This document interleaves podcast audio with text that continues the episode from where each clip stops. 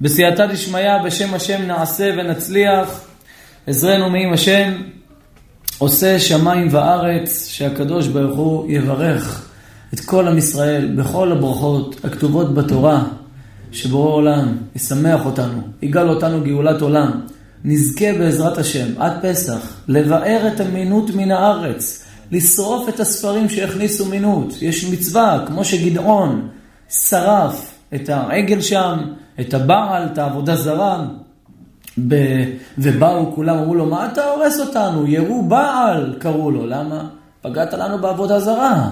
מה אתה, אנשים משניצים אותנו ואומרים עלינו דברים, למה? אתה לוקח להם את הכל. אתם יודעים למה, למה הם שנאו את הרמב"ם?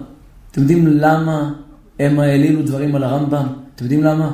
הרמב"ם עליו השלום, הוא הביא להם פסיקה בלי מחלוקת. אין מחלוקת. שימו לב, אצל הרמב"ם יש הלכה פסוקה. אין זה אומר בכו וזה אומר בכו. מה, התורה כל כך פשוטה? אפשר להיות יהודי כל כך פשוט? לא יסתדר להם. למה הם אה, שנאו את הרמב"ם? כי הרמב"ם סידר להם את הכל.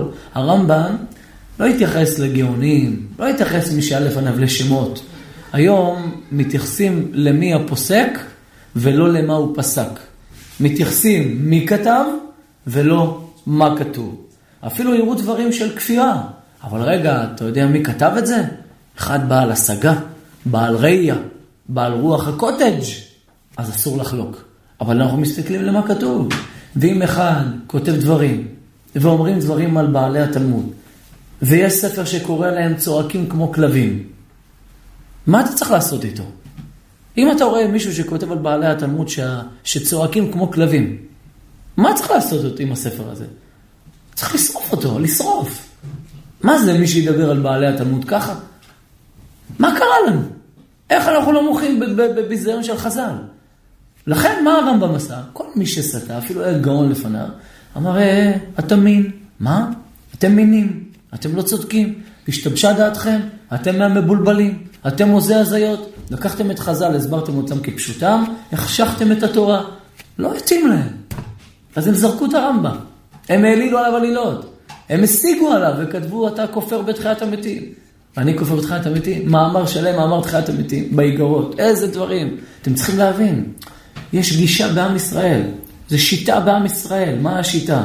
לסבך הכל, למצוא מחלוקות, למצוא זה. הרמב"ם בא, סידר את הכל, הכל ברור, הכל מסודר מההתחלה ועד הסוף. כן. שלום, תהיה בריא. כן, הנה, מתפרסם, גם בדור שלנו מתפרסם ש... כן. מה בדור שלנו? מי נפל בשבתאי צבי, יימח שמו? מי נפל? גדולים, כולם. שבתאי צבי לקח ספר תורה, במעמד גדולי ישראל. לקח ספר תורה, אמר, אני מגרש את אשתי ואני מציע לתורה קידושין. הרי את מקודשת לי, זה מה שהוא עשה. בטבעת זו כדת משה וישראל. עמדו, ישבו גדולי דור, ואמרו, אין בעיה, אתה המשיח, לא אנשים פשוטים. הנה, לפני אתמול או היום, הראו לי שזה אחד שנחשב לגדול. כתב, מי שלא מצביע, שלא יניח תפילין. בבחירות. מי של... הוא השווה הצבעה לכנסת המינים, המטומאים, למצוות תפילין, שכתוב שמי שלא מניח תפילין, הוא נחשב בכלל פושע ישראל בגופן. ופושעי ישראל בגופן, מה כתוב עליהם? שיש להם חלק לעולם הבא, אבל הם נשרפים בגיהנם, בתחילת המתים, אנחנו נבהר מה זה. והוא השווה את זה, וכולם מקבלים. אותו דבר, כמו שבתאי צבי, כולם מקבלים. הרי איך, איך שבתאי צבי הגיע לכל... איך? הרב, אתה יכול להגיד מי זה ה... לא משנה, לא משנה. אחרי השיעור. הרי איך שבתאי צבי הגיע לכל זה? הוא ראה שצריך לגרום לקדוש ברוך הוא להזדווג למעלה, לעשות זיווגים. אז הוא אמר, אני אזדווג עם התורה. הוא, הוא קרא, הוא למד, הוא בא מהאסכולה הזאת. משם הוא בא. מאיפה הוא בא? מהם. מה שהם הצמיחו, הנה. צמח להם קוץ. הקוץ הזה הרס את היהדות לפני כמה? 300 שנה. פחות מ-1666, משהו כזה היה שבתאי צבי, נכון? אם אני לא טועה? אה? משהו כזה, שנה כזאת. 666, בשנה הזאת היה. אז צריך להתבונן ולהבין. קדוש ברוך הוא מראה לנו סימנים, חבר'ה תתעוררו, יש פה בעיה בעם ישראל. לכן, אני אומר לכם שאני לא מצאתי, לפי דעתי, מזמן התלמוד עד הרמב"ם, אדם חכם כמו הרמב"ם, ונראה לי שמזמן שלמה המלך לא קם אדם יחידי ברמה כזאת של הבנה, מזמן שלמה המלך כמו הרמב"ם. ואני לא סתם אומר ואני לא סתם משבח, ואני לא מחניף, לא מצאתי שכל ישר, נקי וטהור כמו הרמב"ם. בלי נדר, אני הופך את כל החיים שלי לפסיקה כמו שהרמב"ם, בלי נדר. אני מתכנן לעשות את זה בזמן הקרוב. הוא האדם שהביא את כל ההלכות לעם ישראל, ועל פיו צריך לנהוג, לפי דעתי. הוא אדם שאין אצלו מחלוקות, אדם שאצלו הכל ברור, מסדר גם השקפה, גם רוחניות, גם אמונה באל, הכל כולל הכל, הכל מסודר אצלו. וחשוב מאוד להתבונן בדברים שלו. אנחנו חובות הלבבות. אנחנו חובות הלבבות. חובות הלבבות, תכף אנחנו נדבר גם על זה בעזרת השם. אתה רוצה להדליק אותי עכשיו לתחילת שיעור? אנחנו חובות הלבבות, שער הביטחון, שיעור מספר 30? 36. 46. אה, 46, סליחה. שיעור מספר... שיעור... שיעור מספר 46, רבותיי. מה למדנו בשבוע שעבר? בשיעור שעבר ביארנו, ובשיעורים האחרונים את שלושת ההקדמות שיש בפרק ג'. בשיעור הקודם עמדנו על ההקדמה השלישית, והוא האמנה בכוח אחד. מה זה האמנה בכוח אחד? מה זה האמנה בכוח אחד? אני יודע, רבי אברהם היקר, שאין עוד מלבדו. מלוא כל הארץ כבודו. אין מי שיכול להזיק לי או להיטיב לי, אלא ברשות השם יתברך. בסדר? אף אחד לא יכול להרע לי או להזיק לי ברשות השם יתברך. אחרי ההבנה הזאת, שאנחנו יודעים, אנחנו חוקרים, אם אנחנו הולכים לייחוד השם, ואנחנו יודעים שהשם אחד, אנחנו הולכים וחוקרים ובודקים מה נכנס פה בדור. אתמול הייתי באזכרה, איזה 60-70 איש בשעה שבע בערב. בחרתי לדבר איתם על הנושאים שאני אומר לכם, בכל השיעורים האחרונים, בכל ה-20 שעות של הלימוד, לשלב אותם איכשהו ב-40 דקות. והצלחתי בסייעתא דשמיא. נגעתי בכל נקודה ארבע דקות. והתחילו שם שאלות ו-צעקות ומה ואיך, אבל יש לנו פה, ויש לנו חרב בבית, ויש לנו איזה חוטים אדומים. אתה רואה ש-99% מעם ישראל מאמינים בכוחות, שהם לא השם יתברך. הם מאמינים שאם יש מזלג נפל על הרצפה, שאם יש מלח נופל על הרצפה, אז יהיה ריב בבית. זה נקרא חוסר ייחוד השם, זה נקרא מינות. אתה מסביר להם את זה, רבותיי, הם מקבלים, הם מבינים, הם פשוט מבינים. אמרתי לאבלים אתמול, נדב, אני אומר להם, אתם חושבים שאתם תתקנו את אבא שלכם? למה אתם אומרים קדיש? בשבילכם, להכניע את לבכם. אתם אומרים היום קדיש, בשביל להכניע את לבכם שתצאו מהעבדות, לא כמו שנכנסתם. אי אפשר לתקן בן אדם שנפטר. רק הבנים שלו יכולים לזכות אותו. כמו שאנחנו אומרים, ריבי, חנניה בן הקשיא אומר, רצה הקדוש ברוך הוא, לרבי חנניה לא היה ילדים. לכן אנחנו אומרים בסוף שיעור, שיהיה לו זכות, אבל לא שאתה יכול לתקן. אדם שנפטר עם עוונות והוא נפטר רשע, אי אפשר לתקן אותו. מה התיקון שלו? שמונה שש מאות, שמונת אלפים שש מאות שקל, זה התיקון. מסתובב סביב ההיכל, סביב ההיכל מסתובב, וזהו, צ'ק צ'ק צ'ק צ'ק, נגמר, תביאו שקלים, זורק לבורא עולם, קח! תוציא אותו מאש הגיהנום. רק מזומן. אה, רק מזומן, כן, לא בביט. ביט זה לא מתקבל למעלה. בסדר? לא. ועל השאלה לא ענינו שבוע שעבר, האם יש כשפים? אמרנו שנעמוד על הדבר הזה. עכשיו, הרמב"ם כותב לנו שאין דבר כזה כשפים. מצד שני קשה. התורה מעידה ואומרת שיש כישופים. איפה? במצרים. בואו נראה את כל המהלך. אומר הרמב"ם, המכשף חייב סקילה. אתם יודעים מה זה סקילה? מי מת בסקילה? אדם שאכל ביום כיפור. מת בסקילה? כרת. אדם שאכל חמץ בפסח. מת בסקילה? אך, מה, כמה, מה הוא חייב? כרת, רק אם הוא אכל בתוך ארבע וחצי דקות, 27, אה, לא 27, כזית מצה, זאת אומרת, אם הוא אכל אה, איזה חתיכת לחם בפסח, אבל הוא לא אכל שיעור של כזית, הוא לא אכל את זה, אין לו כרת, הוא עבר עליו. המכשף חייב סקילה.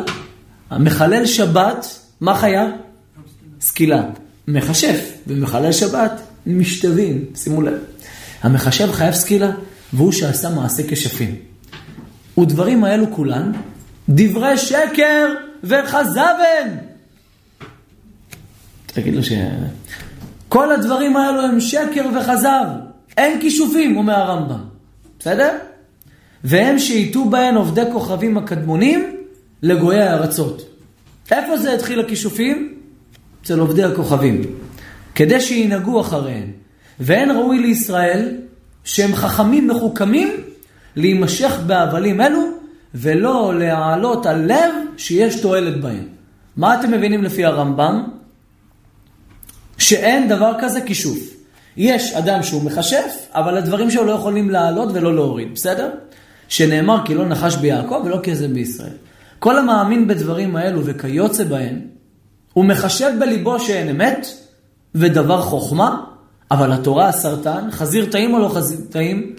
טעים מאוד. למה התורה אסרה?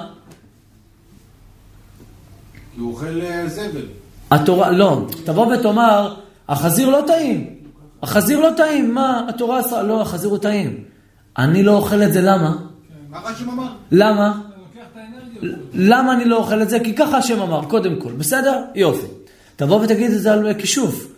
יש בזה משהו, זה יכול להועיל, אבל אני לא עושה את זה. אומר הרמב"ם, זה לא. אינן אלא מן השכלים, ומחסרי הדעת, והוא נכלל בכלל הנשים והקטנים, שאין דעתן שלמה. כל מי שמאמין בכישוף, תראו ספר, שהוא מאמין בכישופים, מאמין במאגיות, מאמין שאם תיקח איזה כוח או איזה עשב שיש בו סגולה מגית וזה יפעל, תדע לך שאותו פוסק הוא משובש, אין לו דעת והוא כמו נשים וקטנים. הוא לא מגיע לדרגה של בן אדם גבר, אלא הוא אישה. בסדר? כל מי שדיבר בדברים האלו, הוא הצטמצם למוח של אישה, הוא לא עבר את זה. שימו לב. אבל בעלי החוכמה ותמימי הדעת ידעו בראיות ברורות שכל אלו הדברים שאסרה תורה אינם דברי חוכמה, אלא תוהו והבל שנמשכו בהן חסרי הדעת. אתם שומעים? הרמב"ם אומר שכל ספר שתמצא מדבר על כישופים ושיש בהם תועלת וצריך להיזהר מהם, מי אלה? חסרי דעת, אין בהם דעת. מפחיד, מפחיד מאוד. ונטשו כל דרכי האמת בגללם. מפני זה אמרה התורה שהזהירה על כל אלו הבלים. תמים תהיה עם השם אלוקיך. היום בני אדם הם תמימים עם רבנים. תמיד אני אומר בשיעורים, תפתחו, תבדקו, הנה יושב פה מישהו, צדיק, גל, מה אמרת לי על שלום עליכם? בדקת, חקרת, תגיד לנו מה כתוב. הלאה. יש מישהו בשם אה, ישראל גולדפרב, יש איזה חוקר אחד שחקר את זה. מאיפה הגיע מנהג שלום עליכם לומר? שלום עליכם, כן. מלאכי השרת, ברכוני לשלום, מלאכי השלום. למה יש מלאכים רעים? מה... כל שבת אנחנו אומרים את זה מגיל קטן, ואנחנו מבקשים ברכה ממלאכים. ומה הוא גילה? מה, מה כתוב שמה? זה, הוא הלחין את זה. יותר מהר. אלה שהקימו את היהדות הקונסטריקטיבית, יהדות הקונסטרקטיבית, זה נקרא? שהקהילה והעברה מדור לדור, אה, זה הדגש, והם לא מאמינים בהתגלות אלוקית מסוג כלשהו. הקהילה הזאת שאצלהם הלחינו את שלום עליכם, הם לא מאמינים בהתגלות אלוקית. זאת אומרת, רגע, קונסרבטיבי. זה כי אני לא, לא מבין בזה, אבל הנה עכשיו גל אמר לי. בכל אופן, הדבר הזה שיצא שלום עליכם, לא בא מאנשים שמאמינים בקיום האל כמו שאנחנו מאמינים. כשאני אומר קיום האל, זה ייחוד השם. ייחוד השם זה להאמין שהשם אחד. אז רבותיי, צריך להפסיק להגיד אותו. צריך להפסיק לומר אותו. יש דברים אחרים לומר, דברים אחרים לשיר. אז הנה, ברוך השם, אנשים שומעים את הדברים, ואני אוהב שהולכים וחוקרים, הולכים ובודקים, להפך. כן, זה כתוב בוויקיפדיה, הוא מוצג. זה שם. אחלה, שם זה המקור הכי טוב. החקרנים הכי טובים יושבים שם, אל תדאג. ברכה שאני לא מבין אותה, נדע שלא עונים עליה אמן, אם לא הבנתי אותה. לא, לא, כל ברכה, גם אתה לא מבין אותו, אתה עונה אמן. מה זה לא מבין? שמעת ילד שבערך שהכל נהיה בדברו, אתה עונה אמן. מה, אתה לא מבין מה הוא אומר? אם מישהו בירך בשפה אחרת, באנגלית, כאילו לא בסדר, לא... לא הבנת כלום? לא, לא כל כך הבנתי. אז אתה לא יכול לברך. אז בקדיש אנשים שלא מבינים ארמית. נכון? מי כותב את זה? ערוך השולחן. ערוך השולחן כותב, ככה, אני אקריא לכם. לא אומרים ערוך השולחן, אומרים ערוך, כמו שאומר הפסוק. ערוך שולחן, ערוך השולחן. אומר ערוך השולחן. כלומר, שקדיש צריך כוונה להבין מה שאומר. ולשום לב לתפילה הקדושה על הזו. ובלא כוונה, לאו כלומי. ומוטב שלא יאמר קדיש. שמעתם?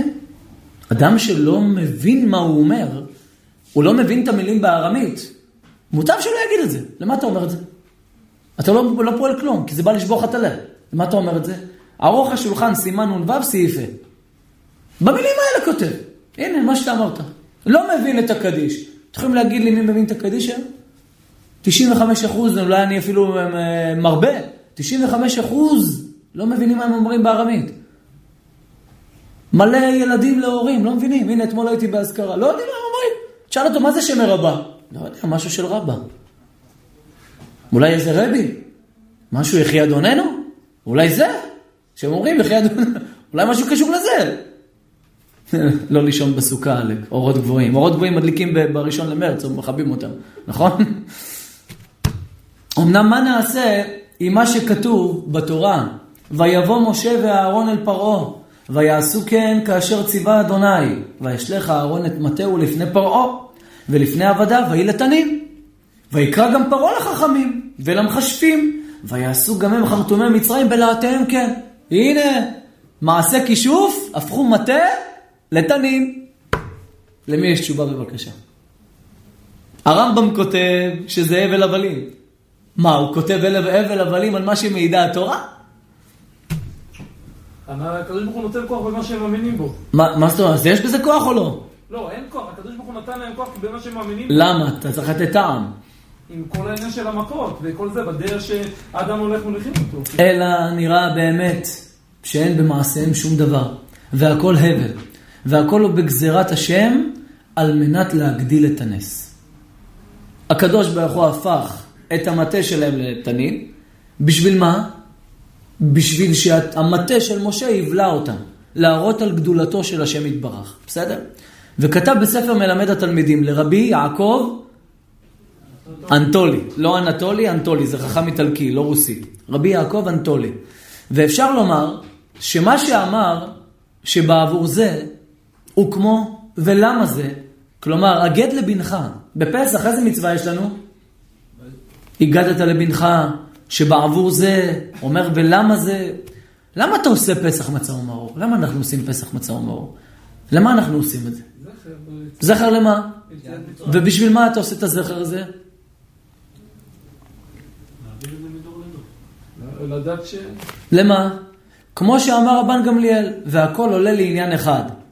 כי המכוון בחג הפסח הוא סיפור הנפלאות, כמו שאמרנו, בכדי להעמיד האמונה. כי בגאולה ההיא אשר הייתה במצרים, הראה השם על ידי משה, כי רק לא יתברך, רק לא יתברך הממשלה. זאת אומרת, כל פסח מצה ומרור, כל חג הפסח, כל שבעת ימים האלה באו בשביל דבר אחד, להאמין שיש השם אחד ושמו אחד. אין אף אחד שיכל לעזור לעם ישראל, לא יהיה אחד שיוכל לעזור לעם ישראל, יש רק אחד, השם אחד. הוא יכול לעזור, יכול להושיע. אם לא הבנו את זה בפסח, לא הבנו כלום. זה מטרת הפסח. לכן, פרופסור יובל נוח הררי, היום יצא בהצהרה. האויב הוא לא חיזבאללה. האויב הוא לא חמאס. מי האויב?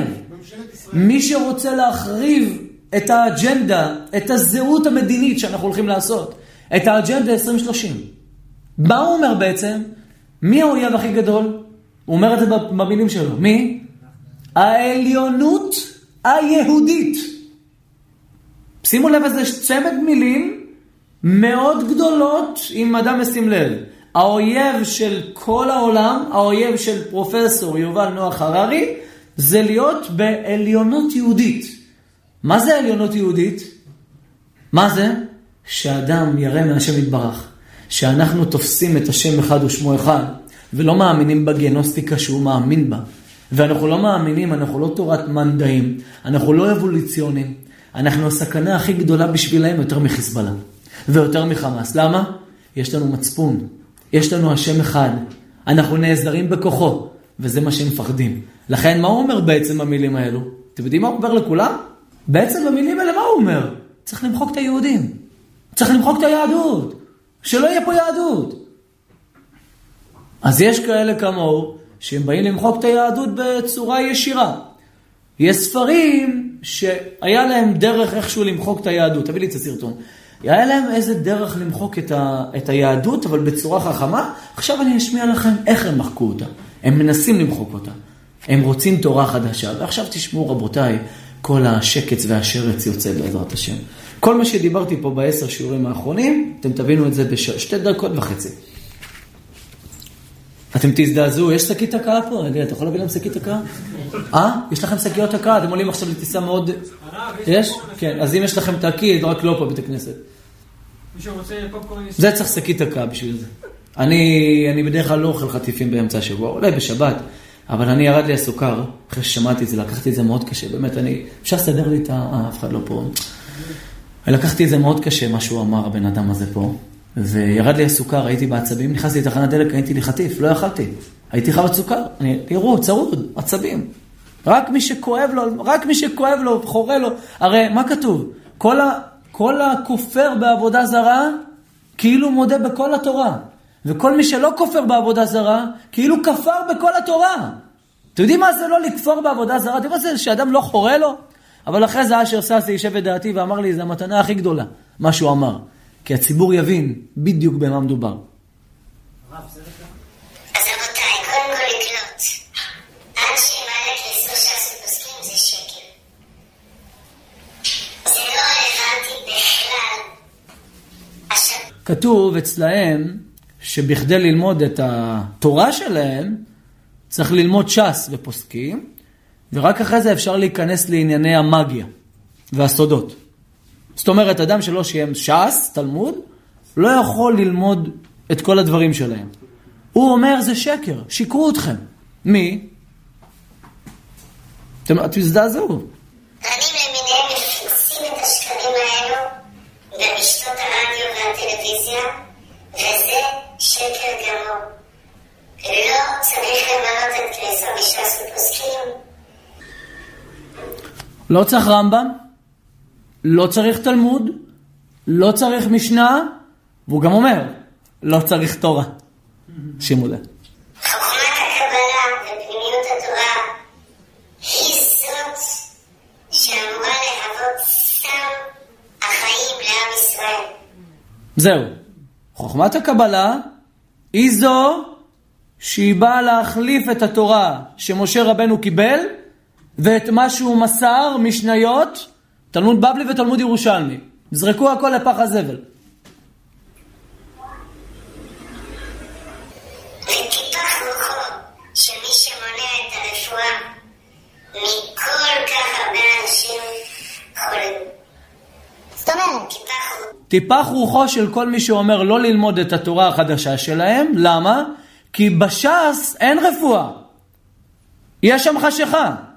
בתורה שבכתב אין רפואה. כל מי שלומד אותה רוצה להתנצר. אין שם כלום. אז אם אתה מונע אנשים לא ללמוד את זה, ואתה אומר להם עד גיל 40 לא ללמוד, אז אתה טיפח רוחך, תמות. בסדר? זה אחד המפורסמים שלהם היום.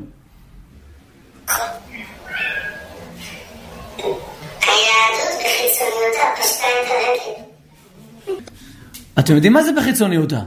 חיצוניות זה ש"ס, פוסקים, תלמוד בבלי, ירושלמי. הם קוראים לזה חוכמה חיצונית. לא, לא יורד לכם הסוכר, חכו, ירד לכם, שנייה. הם אומרים שהיהדות החיצונית, שזה תורה שבכתב, משניות, תלמוד בבלי, ירושלמי, ספרי וספרה, פשטה את הרגל. מה זה פשט רגל? היה לי כסף, נגמר הכסף, לא הצלחתי לשכנע, לא הצלחתי למכור, ביי שלום, אתה מת. אה? שימו לב. מה זה כן? אה.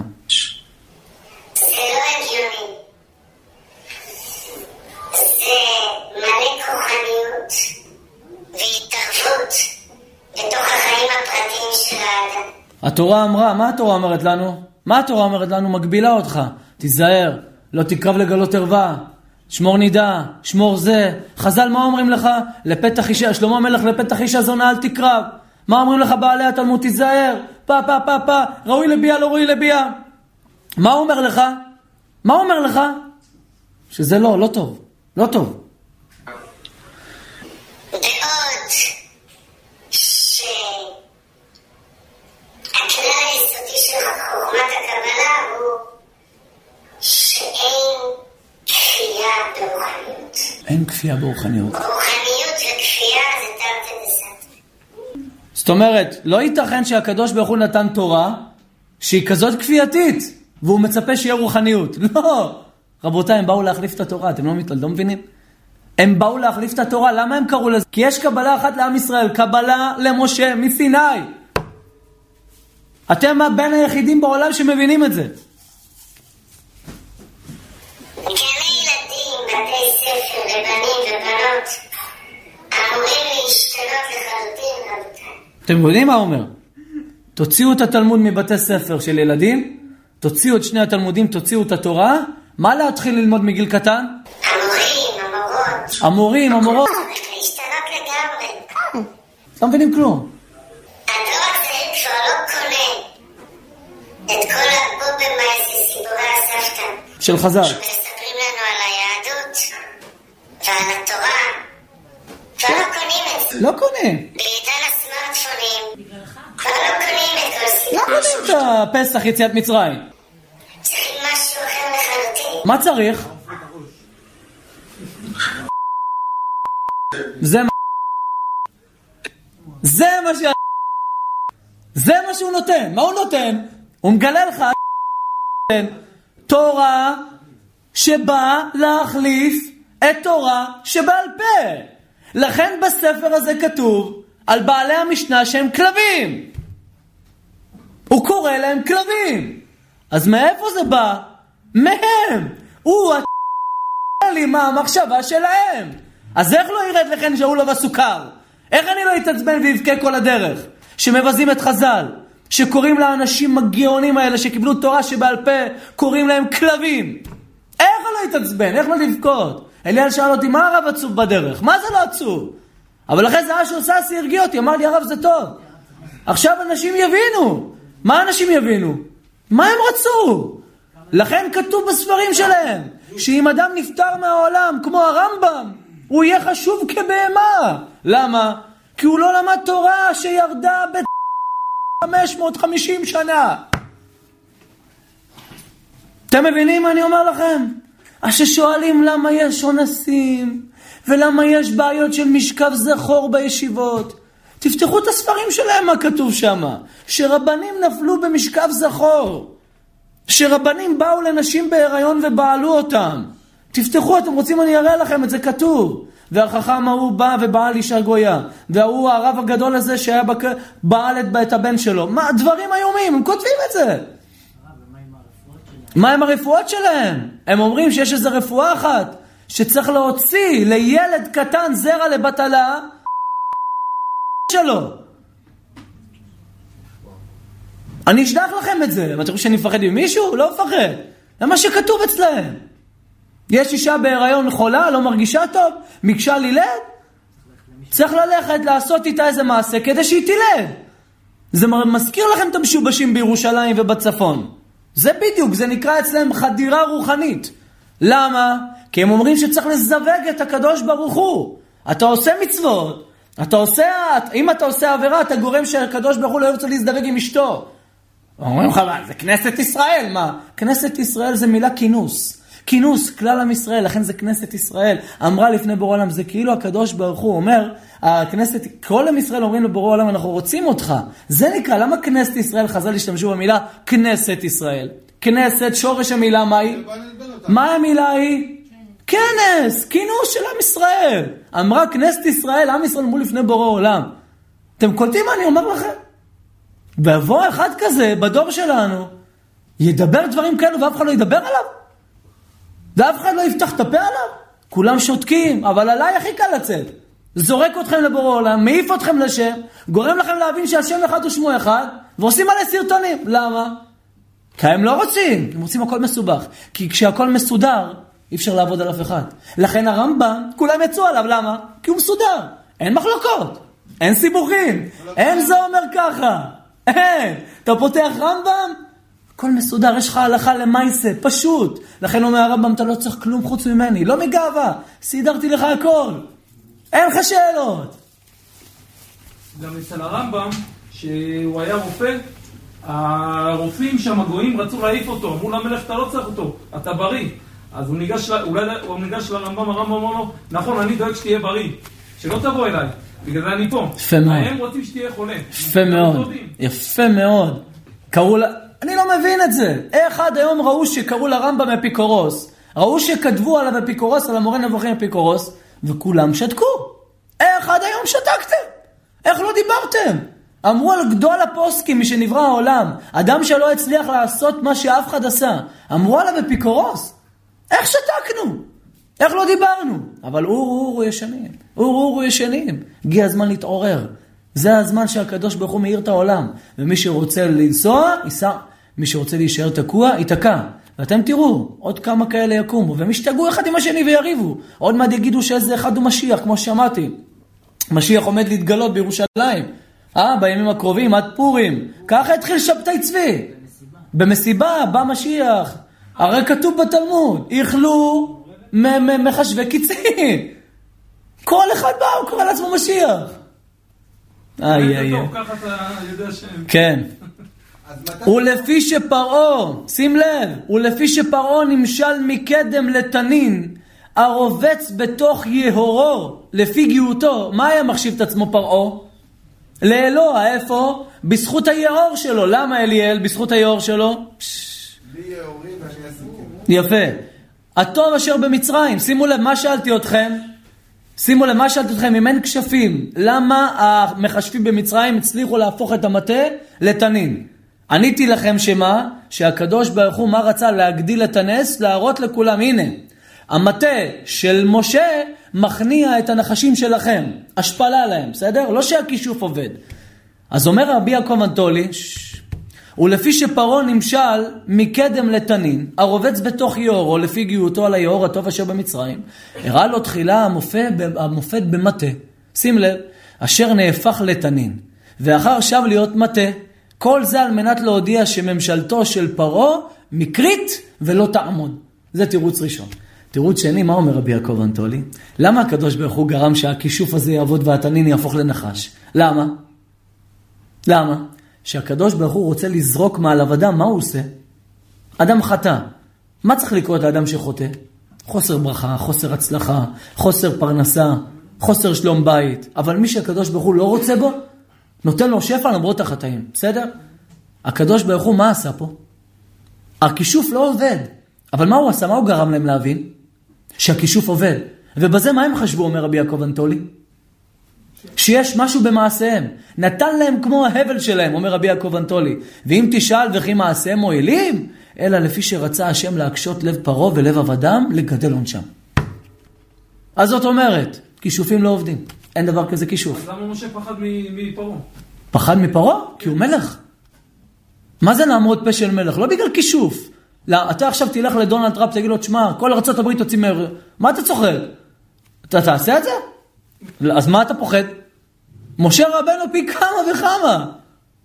אתה יודע איזה עצום זה? לכן הוא אמר לבורא עולם, איך אני אעשה את זה? תן לי משהו, איזה סימן. והמובן מדבריו, שאין במעשה הכשפים שום דבר והכל הבל הבלים. ועכשיו על השאלה הזאת. טוב, זה שיעור הבא בעזרת השם, נשאיר את זה. אני רוצה להיכנס איתכם לשאלה אחת. כתוב, אתם יודעים, כל הבשר שאנחנו אוכלים היום, כל הבשר מהסופרים, יש בעיה לאכול, אני אומר את זה כבר כמה חודשים, לא לאכול בשר מהסופרים. למה? אחת הבעיות הכי עיקריות זה בעיות השחיטה. השחיטה לא נעשית כתקנה, לא על פי ההלכה, לא על פי שום פוסק. רוב השחיטות שאתם קונים, זה מפעלים ששוחטים 70 אלף עופות בשמונה שעות. עשר שוחטים, 70 אלף עופות בשמונה שעות, לא בודקים את הסכין בין עוף לעוף, לא בודקים כלום וכולי. כן, אז זאת הדרך. לכן כותב הרמב"ם, הלכות שחיטה, פרק א', הלכה כ"ג. השוחט צריך שיבדוק הסכין בחודה. ומצד זה ומצד זה. יש סכין, בודקים אותו פה, בודקים אותו פה, בודקים אותו פה. בדיקה אחת על הבשר ובדיקה אחת על הציפורן. את הבדיקה הזאת צריך לעשות כאשר שוחטים עוף, לפני ואחרי השחיטה. למה עושים את הבדיקה אחרי השחיטה? אם... לא. אפילו, נגיד הוא לא רוצה עוד לשחוט. הוא לא רוצה עוד לשחוט, שחט עוף. הוא בדק אותו לפני. אם יימצא פגימה, מה יקרה? נטרף. צריך לזרוק את זה לפח, להביא לכלבים, בסדר? עכשיו שאלה, למה הקדוש ברוך הוא כל כך מדקדק שאם יימצא פגימה כזאת בסכין, מה, מה הקדוש ברוך הוא רוצה מאיתנו? מה הוא רוצה בטעם של המצווה הזאת, בטעם של הקבלה למשה מסיני? מה הוא רוצה להגיד לנו? מה השם יתברך רוצה להגיד לנו? באמת מה? כאילו פגימה קטנה בסכין? הפגימה הכי קטנה, כחודה של ציפורן. נכון, מה זה? נטרף, 12,000 שקל פרה, הלכה. אתה מגדל פרה, שנה וחצי, שנתיים, מאכיל אותה, בפגימה כזאת קטנה, הלכה. לא. יפה, יפה, רגע, רגע, יפה, יפה, לא, לא מעשה. כן, מה? אתה מזיק לזה, כל המטרה של השחיטה שלא ת... זה ספר החינוך, נכון, ככה הוא כותב. זה ספר החינוך. מידה של חטא קטן הוא מידה של אותו דבר כמו חטא גדול, זאת אומרת, אין... אה, יפה, יפה, יפה, יפה. גם כשזה בקטנה. יפה, כל הכבוד. אבל, שימו לב, השחיטה, איפה היא נמצאת? זה פנימי. השוחט, רק הש... אם אני אתן לכם עכשיו סכין, גם אם יש בו פגימה קטנה, לא תוכלו לעלות עליו. צריך הרגש של יד של שנים על גבי שנים שהוא מזהה פגימה. איפה זה נמצא הפגימה הזאת? אה? במטמונים. אתה צריך להיות ממש חד כדי להבין, להיכנס לעומק של הדברים. באה התורה לא ואומרת לך, הקדוש ברוך הוא אומר, מחשבת מינות בתוך הלב יכולה להטריף גוף שלם. יכולה להטריף תורה שלמה. אם ראית ספר שיש בו מינות, אם ראית ספר שמייחס כוחות סגוליים, אם ראית ספר שמייחס כוח לעין הרע, הטריף את כל הספר, ספר מינות, זה הכלל. לכן אומר לך השם יתברך, תזהר, שאתה שוחט, בדוק את הסכין לפני, בדוק את עצמך לפני. כי פגימה קטנה בתוך הלב, בתוך הלב של התורה, מחריבה את כל התורה. לכן המין הוא יותר גרוע מעובד עבודה זרה. אחד שאמר שיש סמאל ויש לילית, והיא שוכבת איתך בלילה, ותיזהר ותעשה קריאת שמע, כי אתה צריך לשבור את כל המקטרגים. מינות. אומר רבי יעקב אנטולי, מינות! לומר שאנחנו עושים מצוות כדי להכניע את הסית, מינות! למה? ייחסת כוח למישהו אחר, חוץ ממני? זה מה שדיברנו בשבוע שעבר. ושילבתי לכם את זה עם השחיטה. לכן, מה אנחנו צריכים? לשחוט את המינות. זה כל העבודה שלנו. כשנכניע את זה, לא סדר עולמי, הארץ השטוחה, הכל יתגלה, כל השקר שלהם יתגלה, הפרופסור הררי הזה לא יהיה, קלאוס שווב לא יהיה, כי מאיפה הוא יצא? הוא בא מהם. כמו ששבתאי צבי בא מהם, קלאוס שווב בא מהאסכולה הזאת. הרי, תראו את המפורסמים. איזה תורה הם לומדים? תורה יחידה. איזה תורה? כל המפורסמים והמפורסמות. שים לב, אני חקרתי את הנושא הזה. זה מה שהם לומדים. למה? זה מה שהם לומדים, למה? מדונה, פעם ראית את מדונה פותחת תלמוד? למה לא? לא כי היא לא יכולה להבין, כי יש שם אמת. כי הכל ברור, מי זה השם, מה הם רוצים, יש תורת אמת. כמו שהטמא הזה אמר מקודם, שצריך, לא שמעת, אה, שכחתי, יוסי, שהרבה זמן לא ראיתי אותך, מחיי מתים אולי צריך כבר להגיד. יוסי, תקשיב יוסי, לא שמעת, ישלחו לך. הוא אומר שצריך להפסיק בתלמודי תורה ללמד תנ"ך. צריך להפסיק ללמד תלמוד משנה ופוסקים. צריך ללמוד רק דבר אחד. זה לא מתאים. לא יאומן כי יסופר. אבל לא משנה, ככל שיש כאלה יותר, אנחנו מבינים את האמת יותר. אני אשמח אם למישהו יש פה מה להשיג או להגיד. יש למישהו פה מה להגיד על זה או להשיג על זה? זה דבר ברור. איך לא מוחים על זה עוד? איך לא מוחים על זה עוד? כי כולם מפחדים. כולם מפחדים, לא ישמעו אותי. כל שבוע שאני בא לפה, אני לוקח בעצמי סיכון שכל משפטיו לנגדי יכולים להחרים אותו. כל מה שטיפחתי והשם זיכה אותי לבנות, וכל הקהילה והכל, וכל השיעורים, וכל העוצמות. אתם יודעים, הורדנו אלף סרטונים מהיוטיוב. אלף סרטונים. אלף! אבל זה, אמת. אנחנו דורשים אמת, רוצים אמת ומקבלים. תכף אנחנו, אבי, אתה תראה מה זה גיהנם. מה זה גיהנם? וואי, וואי, וואי, לא כל מה שאנשים חשבו, שכל ישר, ולהפך. כשאדם יבין את זה, הוא ירעד כל חייו לא לעשות תשובה. יעשה עבירה, מיד יעשה תשובה. למה? אין מי שיתקן אותך, אין מי שיעזור לך, אין מי שיגלגל אותך, אתה לא כדור. גלגולים, אה? מתגלגל ארבע מהירויות שונות, חי, צומם, דומח, אה? כל זה, כל המדממים, אה? דעכבש וכל הדברים האלו. הרי מה אומרים? מתגלגל בארבע. צומח, חי, מדבר, בלתי מדבר, ארבע מהירויות שונות של נאסא. קצת מסתדר. עכשיו עלה לי, כן. תכף אנחנו נגיע לזה. טוב, אז אנחנו ביארנו שלוש הקדמות בשיעורים הקודמים. בכל פרק, בכל פרק ג' יש לנו חמש הקדמות. מה רבנו? אוהב אותך, אל תכלה עליי, תאהב אותי, תהיה בריא עליי. תהיה בריא, אני חודשיים בא אליו, הוא נותן לי פצצות, אחי. זה אחד הסיבות שקמה ברית החדשה, כי לי. חדש. כי אומרים שהקדוש ברוך הוא צריך להתחדש. אם, ב- אם באמת לא נמחה בזה, בסוף יעשו, יגידו, האסלאם והכל הכל ביחד אפשר. הנה, דובאי, מה הם עושים? מה זה הסמל של הבונים? של הבונים זה, של הבונים זה יוסי? עם ה... לא, לא, לא. לא, לא העין, יש את שלושת הדתות באותו אחד, סמל. כן, כן, כן. אה? הגנוסטיקה, זה, זה של הבונים? יופי, יש להם את הקוראן, יש להם את הנצרות, ויש להם את ה... את ה לא מגן דוד, יש להם את המשולשים, בסדר? כן, מתן. יפה, והשר, מה זה אומר? שלושת הדתות לשלב ביחד. ומה עשו בדובאי? אתה נוסע לדובאי, אתה נכנס להתפלל, יש לך שלוש אפשרויות. או להתאסלם, או להתנצר, או להתפלל בגנוסטי. הם עכשיו מפרסמים בפייסבוק ובכל הרשתות, לבנות בית המקדש, לאחד את כל... וואו, וואו, וואו, הנה, הנה, גנוס, זה מתחיל. אנשים פה יתאבדו, אני אומר לכם. בבני ברק יהיו כרוזים, אתם יודעים איזה כרוזים יהיו בבני ברק? וואי, וואי, וואי, לא שנפטרו בני אדם. אוי לנו כי חוטני, נשרפו לנו ספרינו, נשברה התרץ, עבדו עלינו. זה מה שהולך להיות. התאבדות המונית תהיה פה. מי שלא הבין את זה. כן. לגבי גנוסטיקה, אז אני אגיד לך שקראתי על זה קצת, ורשום שחור על גבי לבן, הכית או לא? חדרו ליהדות ממש. ברור. הנה, מנהג שלום עליכם. מי כתב אותו? מי הלחין אותו? בית הכנסת שלא מאמינים בקיום האל. הנה, בן אדם שפותח את הדברים שלי, חוקר אותם, מבין.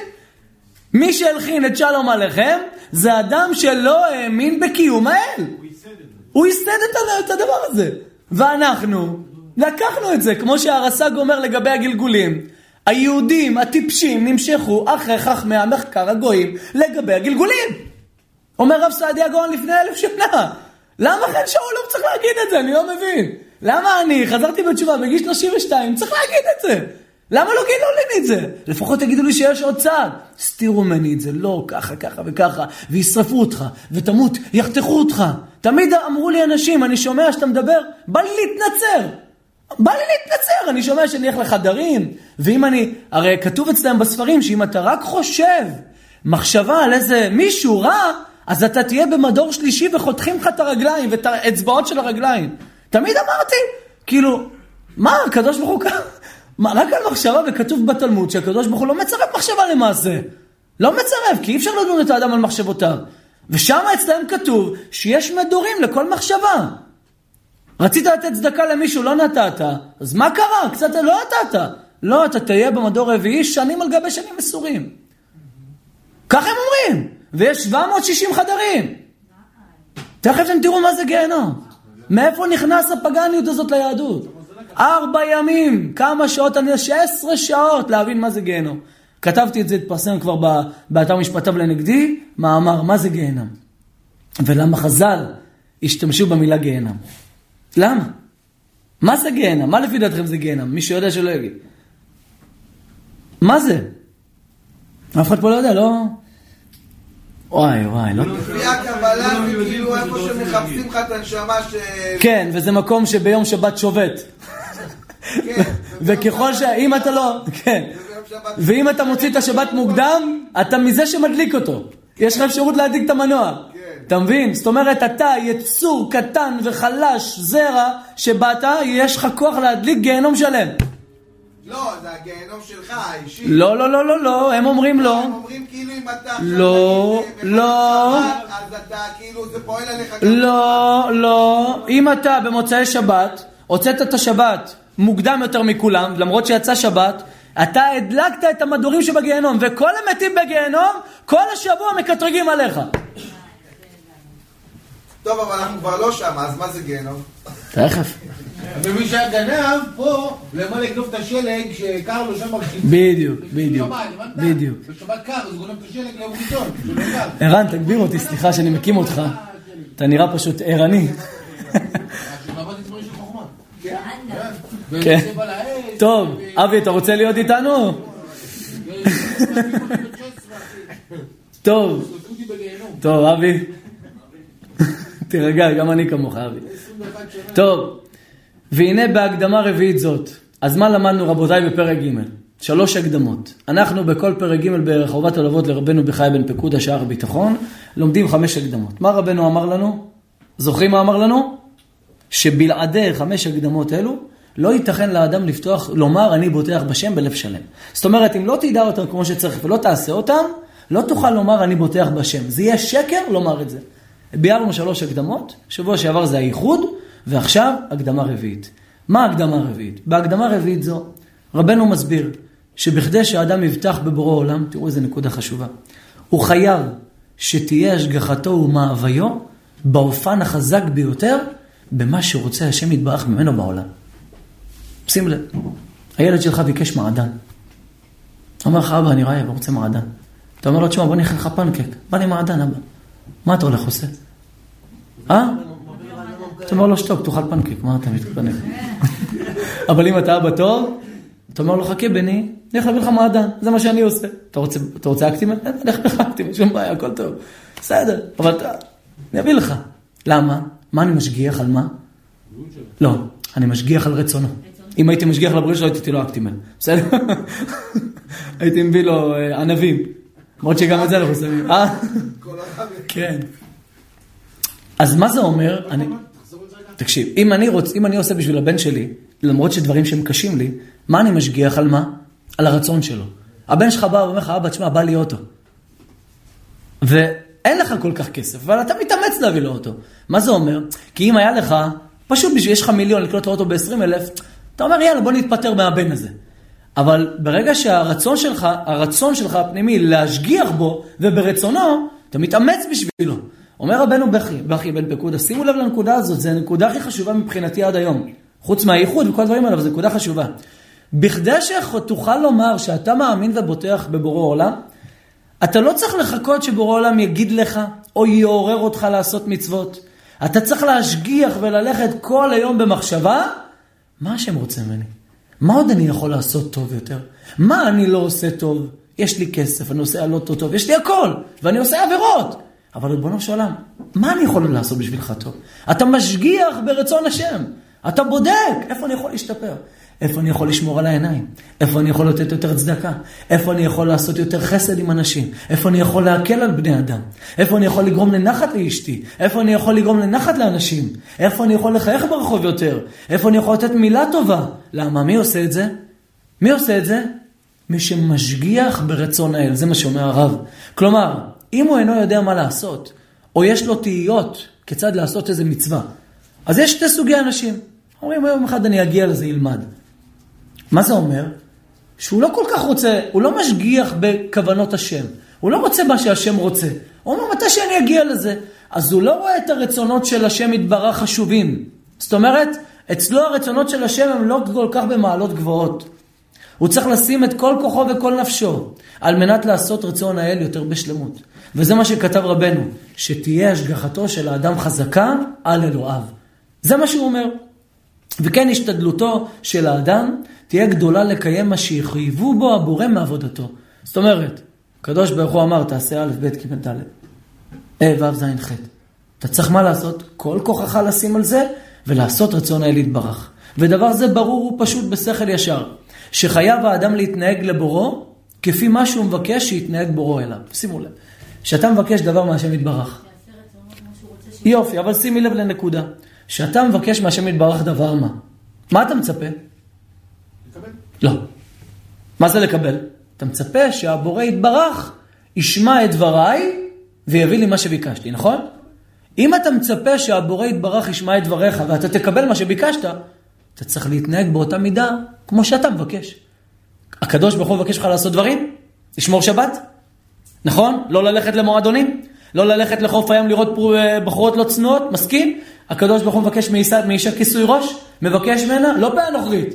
פאה נוכרית זה כשמה כן הוא. פאה נוכרית. פאה של נוכרים. הקדוש ברוך הוא מבקש תלכי בצניעות. הרי למה בא כיסוי ראש לאישה? בשביל להורות על היותה נשואה. בשביל להורות שאני לא מגרה אנשים, יש לי בעל. אני לא מגרה בני אדם, למה לא מגרה? אז אם זה, אם שיער גורם לגירוי, למה לא אמרו גם לרווקה לשים כיסוי? נו, תענו לי אתם. כי היא רווקה והיא אמורה להתחתן. איך היא תתחתן כזאת? בואו נגיד שאנחנו נוכל לסדר לה. סדר לה מישהו. שידעו להבדיל בין רווקה לנשואה. נו, נו, ומה מה זה ייתן? גם ככה אין לו שום קשר איתה. לא, אבל כבר יש לך גדר, כבר אתה נמנע. בגלל שללכת עם אישה נשואה זה הדבר הכי חמור שיש. עוון חמור מאוד. ובגלל זה עשו הרחקה כזאת גדולה ואמרו, תיזהר, דת יהודית מכסה ראשה. למה? כי אם מכסה ראשה, פחות גברים יתחילו איתה. פחות גברים ינסו לפתות אותה, יכבדו יותר אותה, יראו שהיא מצניעה את עצמה, אין בעיה, אנחנו לא נתחיל איתך, אנחנו לא נעשה לך פרצופים, לא נקרוץ לך עיניים, זה השכל הישר. ואם... אה? לא תחמוד, יופי. עכשיו, מה הם עשו? הם אמרו, התורה רוצה שיכסו את הראש.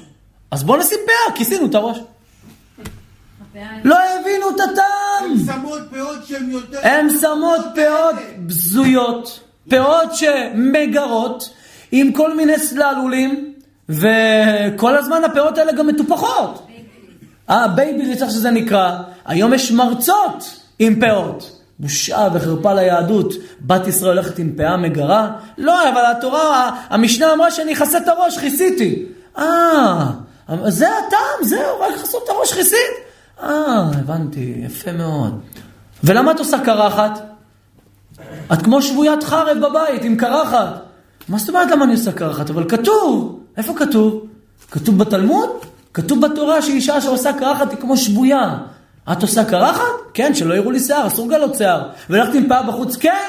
תראו איזה שיבוש. שיבוש, למה?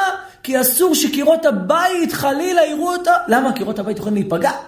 אה? מה זה? מה זה? מגיה? אבל קירות הבית יעידו על... הילדים על- יצאו על- לא טוב. מה, נו, ומה, אסור ללכת עם מה שמותר? אז אל תתקלח גם, קירות הבית ידעו שהתקלחת. אה? מה מה אתה מתקלח? למה? כל היום תלך עם שמיכה ככה הבית, ככה כל היום. שקירות הבית לא יראו אותי. אה? אשתי, בוא נתחבא בקירות הבית. אה? קירות הבית רואים. מה תגידו לי? חז"ל דיברו במושגים מוסריים, רצו שתבין שקירות הבית רואים אותך, הכוונה, השם רואה אותך גם שהכל מוסתר. קירות הבית לא רואים, די! לא הבינו את מה שחז"ל רצו במליצה שלהם. לכן אומר הרמב"ם, מי החשיך את התורה? אלה שלקחו את הפשט שחז"ל בחוכמתם אמרו, ועשו את הפשט. לקחו את הפשט שלהם, את, את המשלים שלהם, הפכו אותם לפשט. הנה, מה אתה רואה? קירות הבית רואים, אתה יודע, האבן הזאת, מישהו פה מגולגל, יש פה איזה מישהו קטן, ילד תינוק שמת, הוא מגולגל פה באבן, זהר, הוא רואה אותך. דיבוק, בראש שלהם. כן, מתן. אבל הם אמרו שהילדים יצאו כופרים, הם... ועוד כתוב שאם האישה מגלה את השיער בבית, צריכה להיות יפה לבעלה. הילדים יהיו עניים, מרודים, ולא יהיה להם פרנסה. רק בגלל שהאישה הזאת קיימה מצווה לשמח את בעלה להיות יפה בשבילו. לא בבית היא מורידה כיסוי ראש? ברור. בבית אישה יכולה להוריד כיסוי ראש? אני לא יודע. בטח ילדים שכן. לא נשוי. ומה הבעיה שילדים יראו את השיער של אמא שלהם? לא, לא לא- מה הבעיה? יש בעיה עם זה? לא, תענה לי רגע אתה. יש בעיה שילדים יראו את השיער של אמא שלהם? מתכוון שנייה. שהאישה תיקח לא, בעלה יכולה לראות את זה. לא, זה לא נכון. בסדר? מה שאמרו לכסות את השיער ליד הילדים, זה כאילו לתת להם יראת שמיים, שכאילו הנה אמא מכסה את הראש גם בבית. כן. אבל מצד ההלכה אפשר לגלות את השיער ליד ילדים, זה לא אסור, רק בחוץ, ליד גברים, ליד אחרים, אה, הדבר הזה אסור, כדי שלא תגרה אחרים. עזוב את זה, הם אומרים שבחדרי חדרים אסור שהשיער, הקירות של הבית יראו. למה? ואם יראו, הילדים יהיו מעונים, שבורים. מה זה? זה התורה שלנו. זה לא התורה, רבותיי.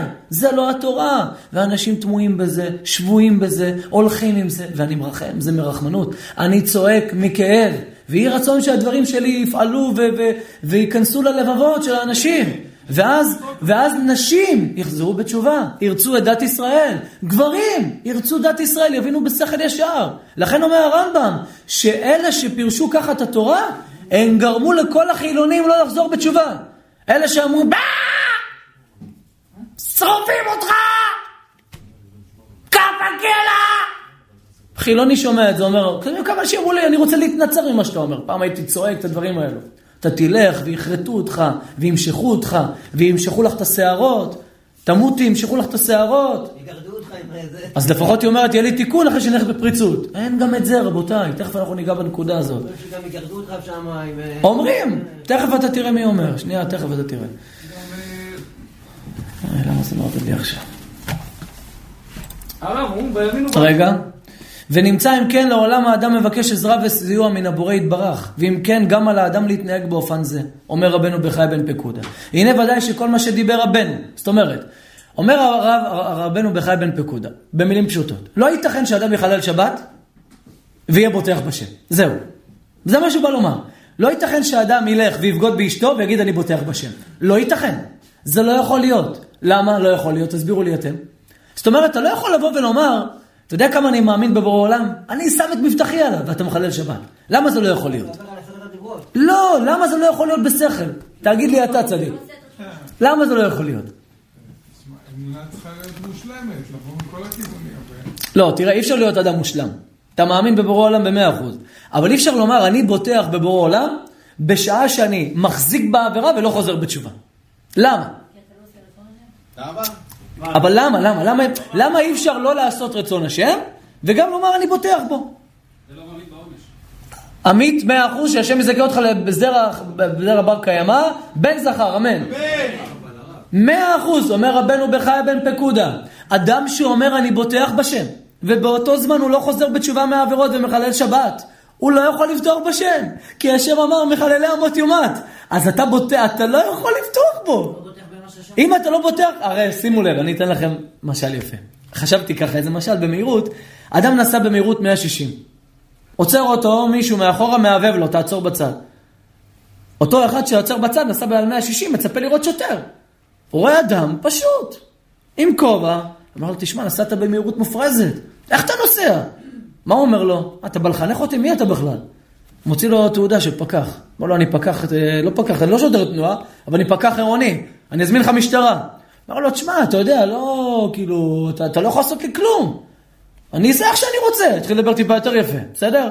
הוציא לו תעודה, אמר לו, תשמע, תירגע, אני קצין תנועה. אני לא רק שוטר תנועה, אתם יודעים מה ההבדל בין שוטר תנועה לקצין? שוטר תנועה לא יכול לקחת רישיון. קצין תנועה לוקח רישיון במהירות מופרזת. צריך להזמין קצין תנועה כדי לקחת רישיון מי שעשה במהירות מופרזת. אמר לו, אני קצין תנועה, תביא לי את הרישיון. ההוא מה התחיל להגיד לו? סליחה, נסעתי מהר, לא, לא, סליחה, טעיתי, וואי, וואי, וואי. מה ההבדל? מה ההבדל? פה הוא הבין מי עומד מולו. פה הוא הבין מי בדרגה. רבותיי, כשאנחנו עושים עבירות ולא חוזרים בתשובה, אנחנו לא מבינים ולא מכירים מי זה השם. אנחנו לא מתארים את השואה שבני אדם יעברו. אנחנו לא... למה אנשים רוקדים במסיבות? כי הם לא יודעים מי זה השם. הם לא יודעים, לא לימדו אותם מי זה השם. אמרו להם, תשמעו, אתם תמותו, תחזרו בגלגול. אתם תמותו, אתם תיכנסו להיכל כזה, תתוקנו, מדור רביעי, תצאו, שלום על ישראל, תקום, מה פתאום? מה פתאום? לא מתחיל בכלל. לכן אמרו בתלמוד, שימו לב, האומר אחטא ואשוב, אחטא ואשוב, אין מספיקין בידו לעשות תשובה. מה? למה? מה זה אחטא ואשוב? אחטא ואשוב. הוא אומר, לא, הוא לא נופל בתאווה כי יש לו רוח עכשיו לעשות, רוח תאווה לעשות עבירה. הוא אומר, תשמע, הקדוש ברוך הוא אמר שהוא מקבל את השבים, נכון?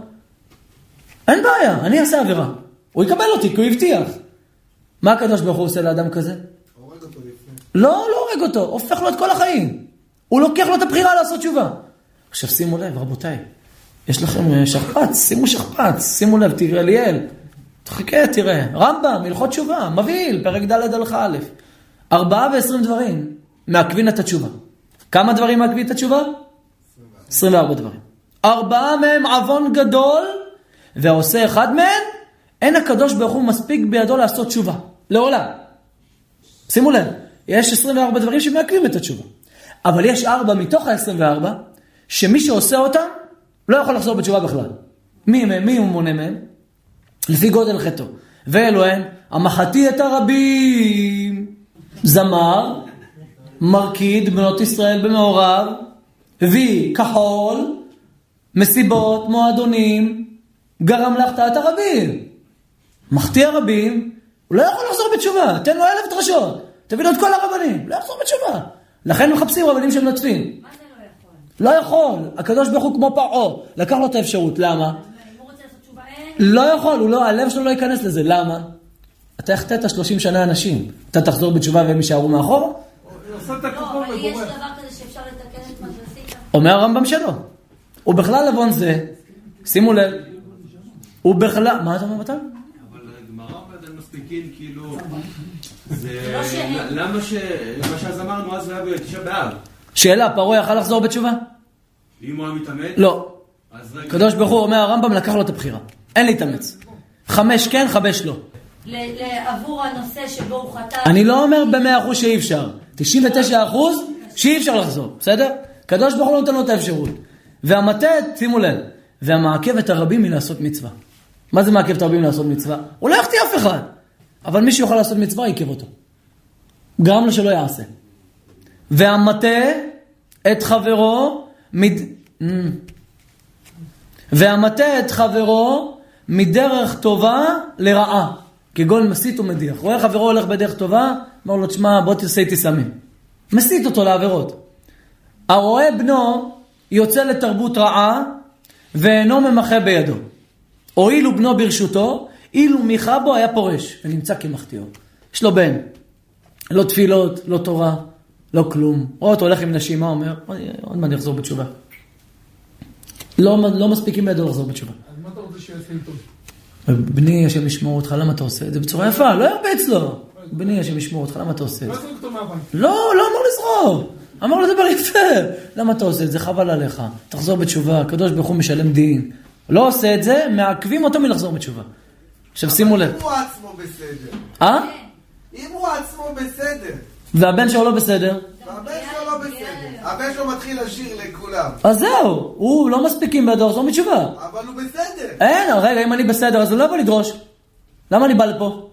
לא, לא, רגע, שנייה, לא, אולי לא. אבא, אבא דומה לדרשן. אבא נגיד הוא בסדר, הוא לא עכשיו איזה צדיק גדול, אבל הוא גם לא... לא לא. עושה עבירות, הוא שומר שבת. יש לו בן, שהבן שלו הולך בדרך לא טובה. יופי, צריך להוכיח אותו, להגיד לו, בני, אל תהיה מחטיא הרבים. אז אם עכשיו נגיד הוא לא... הוא לא אומר לו את זה, אז אין מספיקים בידו לעשות תשובה. יעכבו אותו מלעשות תשובה בשמיים. בליעל אה, אבל חטף הוא ממילא בסדר, אמרנו שהוא ממילא נותן. לא, רגע. הרואה בנו יוצא לתרבות רעה, ואינו ממחה בידו, הואילו בנו ברשותו, ילד שלו שגודל אצלו בבית, בסדר? אילו מיכה בו היה פורש, ונמצא כמחטיאו. ובכלל עוון זה, כל שאפשר בידו למחות באחרים, בין יחיד בין רבים, ולא מיכה. אלא יניחם בכישלונם. זאת אומרת, כל רב שיכול להוכיח את הציבור ולא מוכיח אותו, בגלל שהוא מפחד שלא יביאו לו כסף וכולי וכולי וכולי, יש לו דין של מחטיא הרבים. בסדר? שימו לב, דבר הרביעי. מי זה הדבר הרביעי? אתם לא תאמינו. האומר אחטא ואשוב. אחטא ואשוב, הוא נכלל באותו אחד של כמו מחטיא הרבים. עכשיו אני רוצה לשאול אתכם, למה? בתוך הארבע החמורים. איך זה קשור? יש פה מסית, יש פה מדיח, יש פה מחטיא הרבים, מזיק לכולם. פה, הוא אומר, ריבונו של עולם, אני הולך לעשות חטאים. לא מפריע לאף אחד, דע לך, התשובה שלך היא גורמת לי לחזור בתשובה. נו, ומה זה אומר? לאנשים. אה, נו, מה? הוא מראה שהחטאים בסדר, אין בעיה. הוא מחטיא אנשים בזה יש גם. פה חילול השם בדבר הזה. מה אתה, הוא לא אומר את זה בפה. אומר לעצמו, בלב, איך אתה ואשוב. לא חוזר לי. הוא כאילו מזלזל בשם, הוא כאילו... רגע, רגע, רגע, אתה נוגע, אתה נוגע, שים לב, שים לב, אתה נוגע. אבות שהוא לא- בגיהנום. טוב, זה מחטיא הרבים. אנחנו מדברים על אדם שהוא חוטא, ואומר אחטא ואשוב, אחטא ואשוב, הרמב"ם מכליל אותו כמו מחטיא הרבים. למה? מספיק. בגללו, אולי אנשים... בגלל שרואים אותו ואז כאילו... אבל אף אחד לא יודע מה יש לו בתוך הלב. ביטחון בבורא עולם זה לעשות טוב. שהרי אם לא יעשה הטוב בעיניו זו הוראה שאינו בוטח עליו באמת. שאיך יזוז ממי שהוא בטוח שהכל שלו, ואיך ירא את הבור... איך ימרה את הבורא אם יודע שיקבל עונש. אלא ודאי שהוא סבור בדעתו שלא ישלם על חטאיו, ונמצא אם כן אין לו ביטחון גמור בהשם יתברך. זאת אומרת, אדם שאומר אחטא ואשוב, אחטא ואשוב, למה אין מספיקים בידו לחזור תשובה? כי הוא, זה כמו אדם שקורא תהילים לרפואת חולה. במה הוא תלה את הרפואה שלו? בתהילים. פה הוא תולה את הרפואה של הנפש שלו, במה? בתשובה. זאת אומרת, הוא לא ייחס את זה לשם, כאילו התשובה זה איזה סגולה.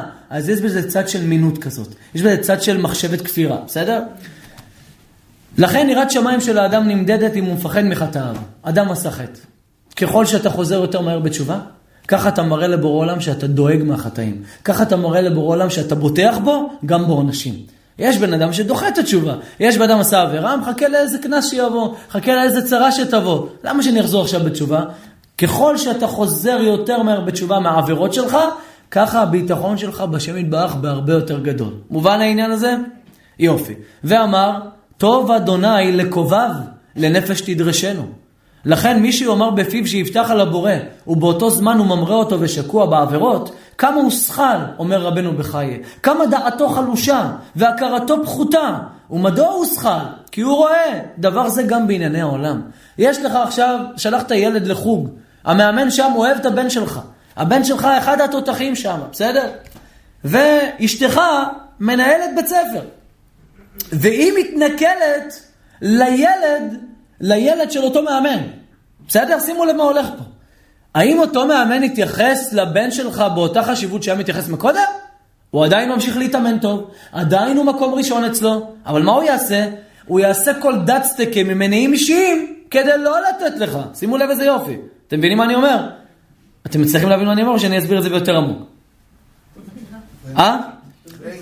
יש לך, תקשיב, יש לך, יש לך אדם שאתה רוצה ממנו סיוע, עזרה, סתם דוגמה, ראש עיר, שאתה רוצה ממנו סיוע, עזרה, והוא כבר רוצה לעזור לך, אבל מה? אתה הלכת ולכלכת עליו באיזשהו מקום. הוצאת עליו איזה מילה לא טובה. מה הוא יעשה עכשיו? יעזור לך או לא יעזור לך? למה הוא לא יעזור לך? כי פגעת בו. כי עשית לו משהו לא טוב, בסדר? שים לב, אומר רבנו בחי על אותו משקל. אדם שמחזיק בחילול שבת, אדם שמחזיק בעבירות, אדם שהולך למסיבות, יכול לבוא ולומר, אני בוטח בשם יתברך, תביא לי מה שאני רוצה? בשכל פשוט, אדם שימרה מישהו מבקש ממנו, לא ייתן לו. לכן אין אפשרות לבטוח בשם שאדם אחוז בעבירות. אין אפשרות לפתוח בבורא עולם שאתה כל לילה רואה סרטים, שאתה רואה כדורגל, ואתה מבטל תורה, ואתה עושה עבירות, ואתה שוגע בהם, ואתה לא רוצה לחזור בתשובה. ואתה לא מבין שאתה צריך לחזור בתשובה. אין אפשרות כזאת. לכן, ההקדמה הרביעית שרבנו בחי בעצם מסביר. אבל זה רוב האנשים. מה? אז אני מסביר, טובל ושרץ בידו, אין אפשרות לבטוח בבורא עולם. זאת אומרת, לא יתגשם לך מה שאתה מבקש מהשם. לכן, גוי שבא לבית המקדש ומבקש בקשה, תיתן לו. אבל יהודי שמבקש בקשה והוא לא עושה רצוני, אם אני אתן לו, הוא ימשיך בשלו. לכן מה אני עושה? אני נותן לו חוסר בפרנסה, אני מקשה עליו פה, מקשה... למה? אני מאשר אתכם. למה באה השואה? למה באו גירושי צרפת? למה נשרפו ספרים בצרפת? כדי להחזיר אותם לתלם. פגעתם בתורת משה. הרסתם את היהדות. אני רוצה להחזיר אתכם. תבינו, הכל יהיה טוב. למה גירושי ספרד היו? הקדוש ברוך הוא מתעסק עם ילדים, הורג אותם? מה, מה, מה הולך פה? מה, אתם לא הולכים בדרכי, אין ברירה. אז פעם במאה שנה, 70 שנה, אני צריך לפוצץ אתכם. צריך להביא קוקורונה, צריך להביא קלאוש ווב. הם הכי טובים בעולם, אתם לא מבינים את זה? לא צריך לרצות שהם ייעלמו, צריך להסיר את הסיבה, אנחנו הסיבה, אנחנו הבעיה. אנחנו נסיר את אנחנו, את הרע שלנו, ממילא הם יסורו. לא יהיו. זה מה שהיה עם גדעון, זה מה שהיה עם אליהו הנביא, זה מה שהיה בכל המלחמות כולם. סירו את הבעיה, שרה הסיבה. אנשים מחפשים את כל הפתרונות בעולם, אה, צריך להפסיק את הריסוסים, שיהיה כל היום ריסוסים. מאה אלף ריסוסים ביום שיהיו, רק ככה העם הזה יבין. אם לא יהיה פה הכחדה, אני לא יודע מה, מה יהיה פה. צריך פה הכחדה, אני אומר לכם את האמת. צריך פה הכחדה, אתה לא מבין מה הולך פה. בלי הכחדה לא יעזור, או ניסיון להכחדה. למה? זה לא אני אומר. מי אומר את זה? רבותינו בעלי התלמוד. מעמיד עליהם מלך שגזרותיו קשות וחמורות משל המן. מה? המן רצה מה לעשות? להשמיד, להרוג ולאבד את כל היהודים, נכון? יבוא מלך שיהיה לו גזרה יותר חמורה משל המן. מה? אתם לא רואים? להשמיד, להרוג ולאבד, הרוח נשארת. גרמו, גמרו לנו את הרוח. אתה לא מבינים שלהאמין בעין הרע זה סטייה מהתורה? להאמין שמישהו יכול לפגוע בך בכישוף זה סטייה מן התורה? להאמין שיש שדים? למה חז"ל קראו לזה שדים? למה נקראים שדים? שדמיונות. שדמיונות, דמיונות, שדמיונות. לכן קראו לזה שדים. דמיונות שבדו מליבם, שדמיונות. אומר אבן עזרא, מה למה קוראים להם שדים? ששודים לבבות בני אדם, כאילו הם קיימים, מלשון שוד. שוד עניים ואנקת אביונים. לכן נקראי שדים. לא אלוה, לא שום דבר הם. אנשים מפחדים. ברור שיש שדים. אתה ראית אותם? לא, סיפרו לי. מי אמר לך? כתוב בספרים. איפה כתוב? אצל מי? בחז"ל? תכתוב, כל מקום שחז"ל נגעו בשדים, השפילו אותם. ייחסו את זה לעבודה זרה, בחוכמתם הנפלאה. אם, כמו שהם עשו את זה עם הגיהנם. לכן, אומר, אומר ככה, איי, איזה פסוקים אלה חזקים. איי. ועל אותו משקל מסביר רבנו שהדברים הבורא יתברך. השם יתברך רוצה דבר מה מהאדם, רוצה שילמד תורה, יקיים מצוותיו, רוצה שבת, שבת ישראל תלך בצניעות, שאישה תשים כיסוי ראש, שיורידו את הפאות המגועלות, וכשמם כן הוא, פאה נוכרית, פאה של גויים, אין לה מקום ביהדות. ללכת עם דבר כזה שחצני ולא צנוע, בושה וחרפה לכל מי שהתיר את זה ולא משנה מי זה האדם. כל מי שהתיר פאה נוכרית ללכת לבת ישראל, בושה וחרפה. פשוט בושה שקמו בני אדם והתירו דבר כזה. וזו אחת מהסתכלויות של הרמב"ם בחיים, שלא היה אכפת לו מי כתב מה, אלא מה כתוב. ואפילו כתבו אדם גדול במעלה, היה דוחה דבריו, ונצמד לבעלי התלמוד. ומזאת הסיבה הברורה, לא תמצא אצל הרמב"ם שום מחלוקת, אלא הכל הלכה אחת ברורה בלי סיבוכים. ובני אדם אוהבים לסבך, זה נותן להם חוזק לסבך הכל. נותן להם אמביציה, הנה מסובך, טה טה טה טה, ו-150 אלף ספרים. וואו! 150 אלף ספרים אני יודע. 150 אלף, הוא צוחק. הוא אומר לו, כמה אתה ספרים אתה יודע? הוא אומר, אני מריץ את כל הספרים, 100 אלף. מתגאה! גדעון התגאה בידיעת ספרים? אה? כתוב, ועשו ספרים הרבה עד אין קץ. שם בפסוק זה גנאי, הם לקחו את זה לטובה. ועשו ספרים עד הרבה עד אין קץ, שם דרש אותו לגנאי. ובוודאי שהוא כל שכן לדוגמה אשר הבאנו לאל, כי מי שעבר על חוקי אלוהים ומצוותיו, אשר הוא יתברך בעצמו העיד עליהם, בוודאי שתהיה תוחלת הבוטח עליו נכזבה ונפסדת, כשיאמרהו, ולא יהיה זה החוטא אשר לא שב בתשובה, ראוי להיקרא בשם בוטח באלוהים, אומר רבנו בחיי. אבל הוא כמו שאמר הכתוב, כי מה תקווה תחנף, כי יבצע, כי ישל אלוה נפשו, הצעקתו ישמעאל, כי תבוא עליו צרה, מה זה חנף לפי דעתכם? חנף.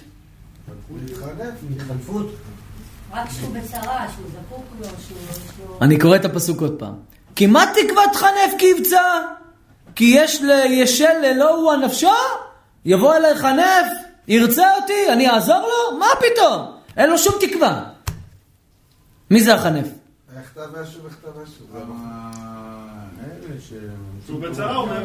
יצר הרע שבתוך הלב שלך, מה אומר לך?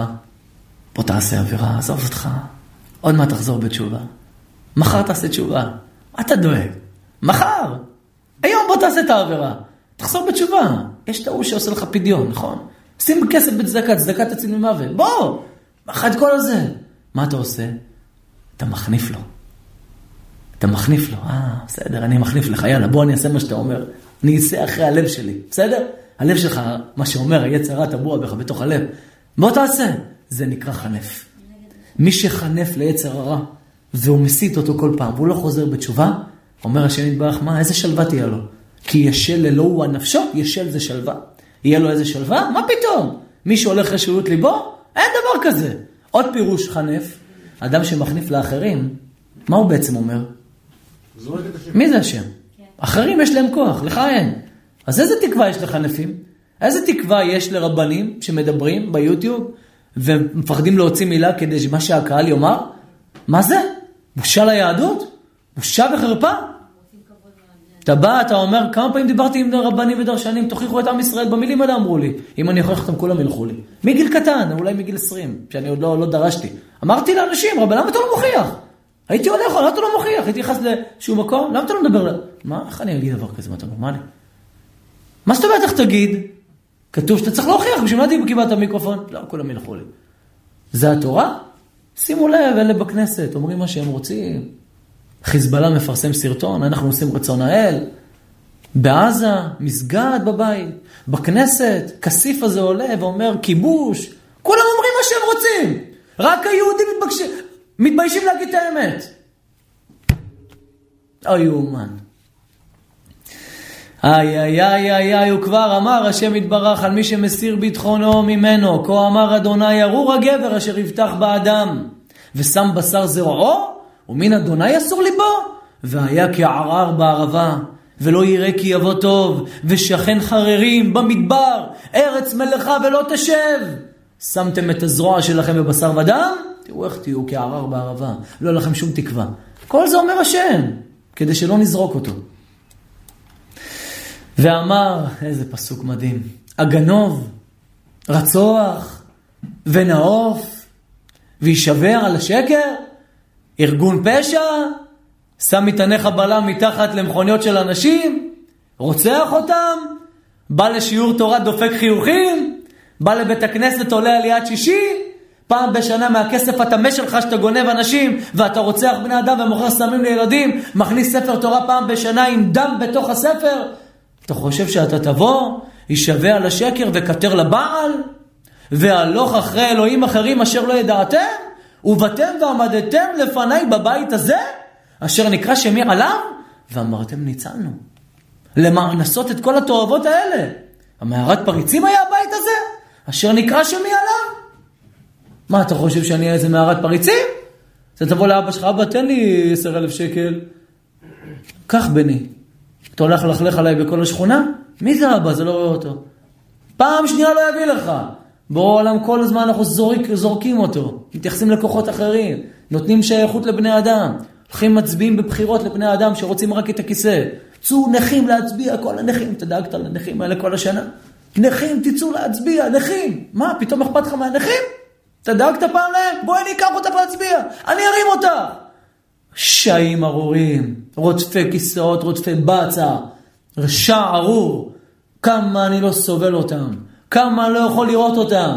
למה? הם לא דואגים לכם, דואגים לעצמם. פעם בחמש שנים נזכרים, יום הבחירות הגיע, ואם לא תבחר, אל תניח תפילין. אז אני אומר, אם לא תבחר, אל תשמור גם שבת, תזרוק את היהדות, כי לא בחרתי.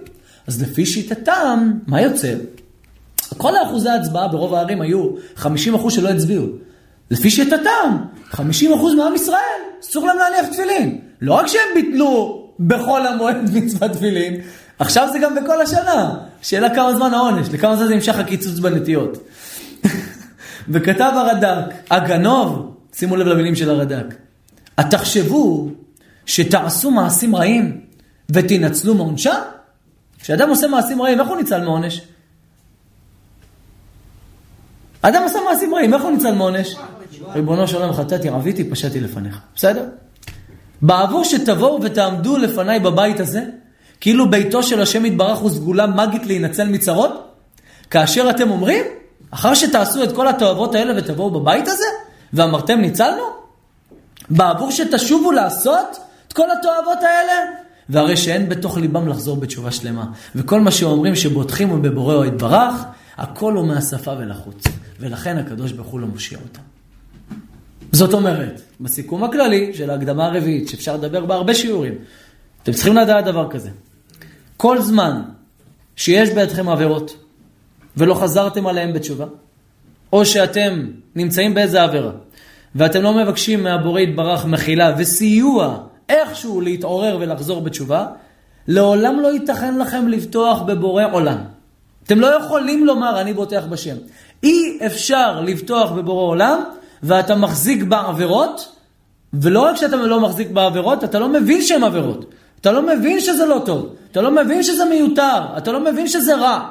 אתה חייב להבין שמה שאתה עושה זה רע ומר, ולהגיד לבורא עולם, אבא, קשה לי לא לעשות את זה, תעזור לי. זה לפחות, אה? ריבונו של עולם, לא יודע מה, אני קשה לי עם הדבר הזה, יש לי תאווה לעשות את זה. אני רוצה לצאת מזה, אני מבין שזה לא טוב. תעזור לי, תראו ישועות. בהבטחה. יש אנשים שקשה להם לשבת ללמוד תורה.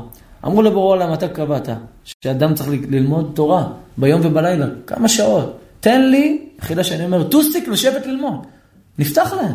הקדוש ברוך הוא נתן להם. תן לי יכולת לשבת ללמוד, שעתיים, שלוש. לא יכלו, ככה. אני אחד מהאנשים האלה, אני הייתי יושב אצל אנשים, חברים בגיל קטן, קם, אחרי עשר דקות, היו קוראים לי הנעלם. ככה הוא מכהן הנעלם, למה? לא יכול לשבת. ככה כל הזמן, רואה, לא יכול.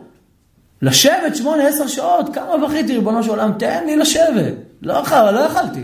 הייתי בא לבית הכנסת, יוצא כל עשר דקות, רבע שעה, לא יכול לשבת. היום, ברוך השם, יכול שבע, שמונה שעות לשבת ללמוד. הקדוש ברוך הוא עזר, סייע, אבל מה, ביקשתי. אמרתי, בעולם תעזור לי, פרקטיבי. בגלל זה הפסקתי לכתוב תפילין במזוזות. יש לי כתב יפה מאוד. לא יכול, כותב שורה, לא יכול, חייב לקום. רק כשאני לומד תורה אני רגוע. מה לעשות? ככה הקדוש ברוך הוא נתן לי, זה נקרא דעות, בהלכות דעות לרמב"ם, האדם נולד כעסני, עצבני, היפראקטיבי. אבל את רואה שאתם רואים שבתורה, יושב, ברוך השם נכנס לכולל לכולל, משמונה וחצי עד שעה 12 וחצי, ארבע שעות, לא קם. בקושי מים אני גם שותה. אז אני שם לידי איזה כוס שתיים כדי שאני אשתה גם מים. למה? אוהב את התורה, הקדוש ברוך הוא נתן לי כי ביקשתי. מאיפה בא כל הדברים האלו? ביקשנו אמת. נכנסנו להיכל, בכינו, כולנו פה, רצינו אמת. מי שרוצה אמת, השם אומר, אתה רוצה? תדע לך זה ייקר, זה יהיה קשה, אבל אתה תקבל, כי אתה ביקשת. יש בן אדם אומר, לא, לא, עזוב אותי, אני לא רוצה. אנשים אמרו לי, באתי להגיד להם את הדברים, לא, לא, לא, אני לא רוצה לדעת. למה אתה לא רוצה לדעת? זה יגרום לי, אמרו לי בפנים, לא רוצה לדעת. יש לך יותר מדי דברים של אמת? לא רוצה. אני, כי הספרייה שלי בבית. תורה תמימה משיבת נפש, שהיא תמימה שלמה. כן, אבל אין, לא רוצים. כי קשה, מה, אנחנו נעזוב את מה שאנחנו גדלנו עליו, רגילים. מה, אני לקחתי להם את הפדיונות, לקחתי להם את התיקונים. עכשיו היום ניקח להם, לקחתי להם את המפתח פרנסה, לקחתי להם את התיקונים, את הגלגולים עכשיו ניקח להם. זאת אומרת, גם לעילוי נשמע. איך לא? מה עם הגלגולים והגיהנום? לא, לא. כמה כסף עושים על הגיהנום וגלגולים בעין הרע? אה? הבשר לא ביקשתי, תפס אותי מישהו ונתן לי עם פטיש על הראש. אמר לי, כל מה שאתה מלמד, אתה, כל זיכוי הרבים שלך לפח הזבל. אמרתי לו, למה? אמר לי, תאכל טרפות. אמרתי, תשמע, הוכיח אותי, וואלה, ברוך השם, שלוש שנים. שלוש שנים בלי עובד ב... תגיד, היית פעם אחת במשחטה וראית... כן, הייתי, בטח. לא. גועל, הייתי וראיתי, כן, כן, גועל נפש, מה שהולך. ודיברתי עם אנשים שבמשחטה, שברחו משם. אמרו לי, מה שהולך שם, כל מי שאוכל בסופרים, טרפות. אתה לומד תורה, דע לך, אתה אוכל טרפות. לא ייכנס לך כלום. שום דבר. בסדר, מי לא מאמין בדברים של מגיה? אתה רוצה חוט אדום גם, אייל? אה, מי לא שם חוט אדום? אתה רוצה חמסה לבית? אה, רוצה? רוצה חמסה לבית? רוצה מפתח פרנסה? אבל יש אה, פרה אדומה, טומאת מת. מה, כאילו... נו, ברור שיש טומאה, אבל איזה טומאה? בזמן בית המקדש, שטומאה וטהרה נוהג בינינו. לא טומאה כזאת של מגיה, אלא טומאה של, של קורבנות, טומאה שהקדוש ברוך הוא קובע, לא טומאה של כוחות טומאה. אתה מבין מה אני אומר? כן. זהו, זהו, שכל ישר, נכון. טמא. אבל יש נכון. פרה אדומה, טומאת מת, ש... אה, לחבב עליך את המצוות, לחבב עליך. בסדר? מים אחרונים, למה עושים מים אחרונים? לתת לסמאל, סמאל אוכל! הוא צריך לאכול, הוא יושב ומחכה לאוכל!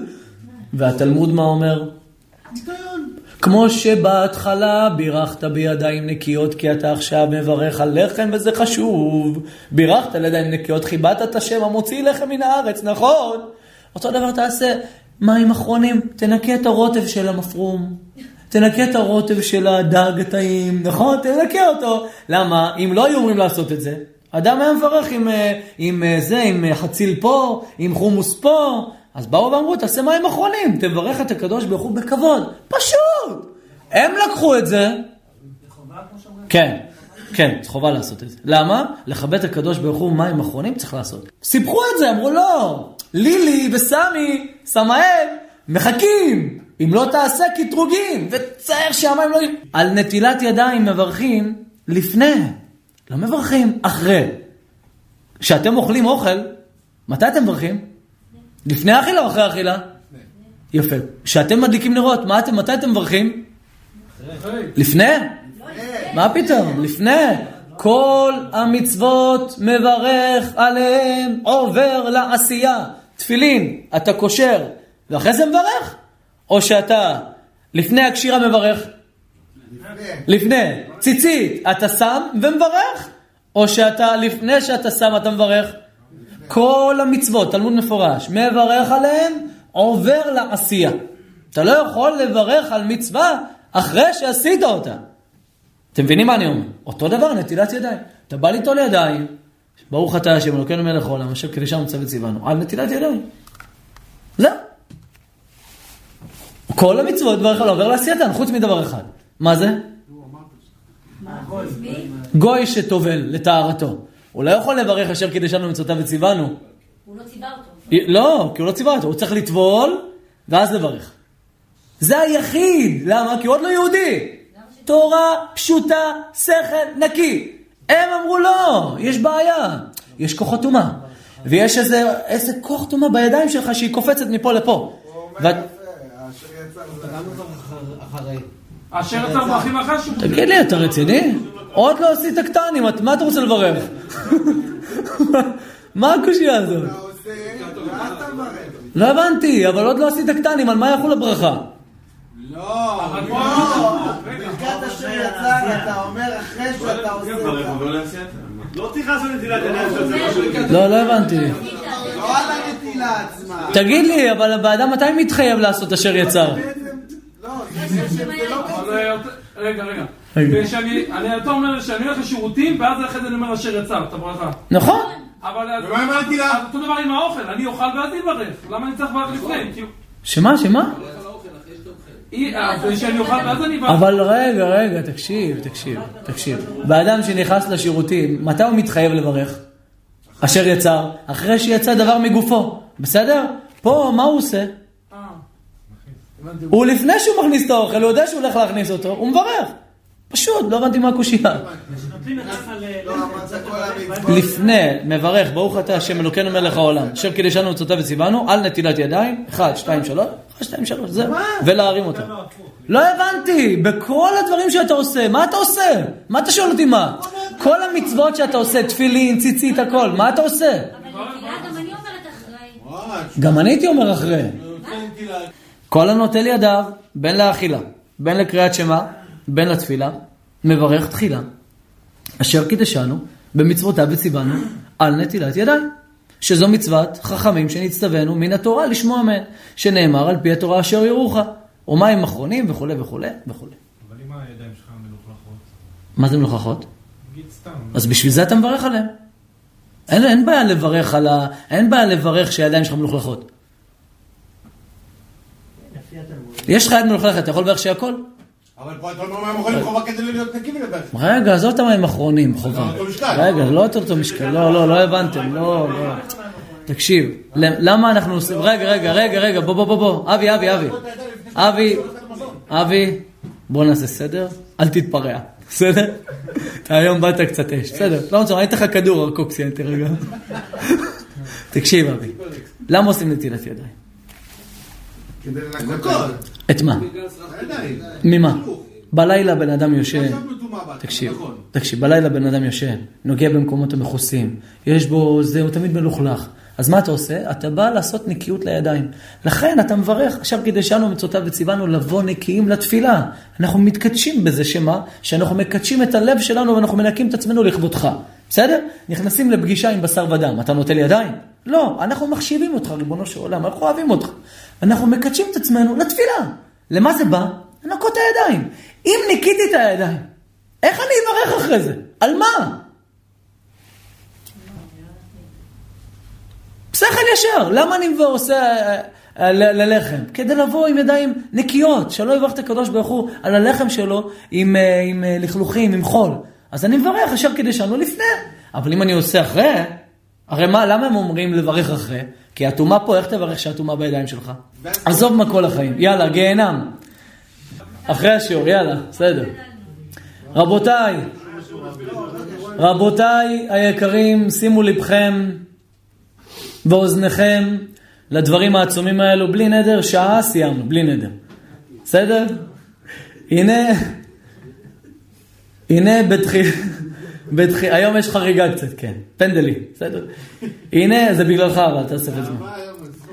הנה, לאור כל החידושים האחרונים, ומה שלמדנו בתקופה האחרונה, עלה בדעתנו לחקור, מהיכן למדו חז"ל על מקום שנקרא גיהינם, ובו משפט רשעים, כמה זמן? 12 חודשים. ועוד יש לחקור, היכן מתבצע התשלום והמשפט של הרשעים שנפטרו ללא תשובה. הנה בתחילת זה המאמר אשר ידבר על העונש של האדם בעבור מעשיו, שעשה בזה העולם. ראיתי להביא מה שכתב רבנו הרמב"ם, וזה לשונו. כבר ביארנו שאין אחר המוות לא שלמות, לא תיקון ולא תוספת שנקראת שיפור המצב. אחרי שאדם נפטר מן העולם, אין שום אפשרות שבעולם שאפשר לעזור לו, לתקן אותו, להועיל לו, להשלים לו. זה לא מוסך תיקונים, בסדר? ואומנם, ישלם האדם ויוסיף מעלה איפה? רק בזה העולם. כל זמן שאתם חיים, אתם יכולים לעלות במעלה. לקבל עוד נחת רוח מהבורא יתברך. לקבל עוד מתנות, רק בזה העולם. ואל זה רומש שלמה באומרו, כי אין מעשה וחשבון ודעת וחוכמה בשאול אשר אתה הולך שם. איפה זה השאול? מה זה שאול? מוות, בקבר.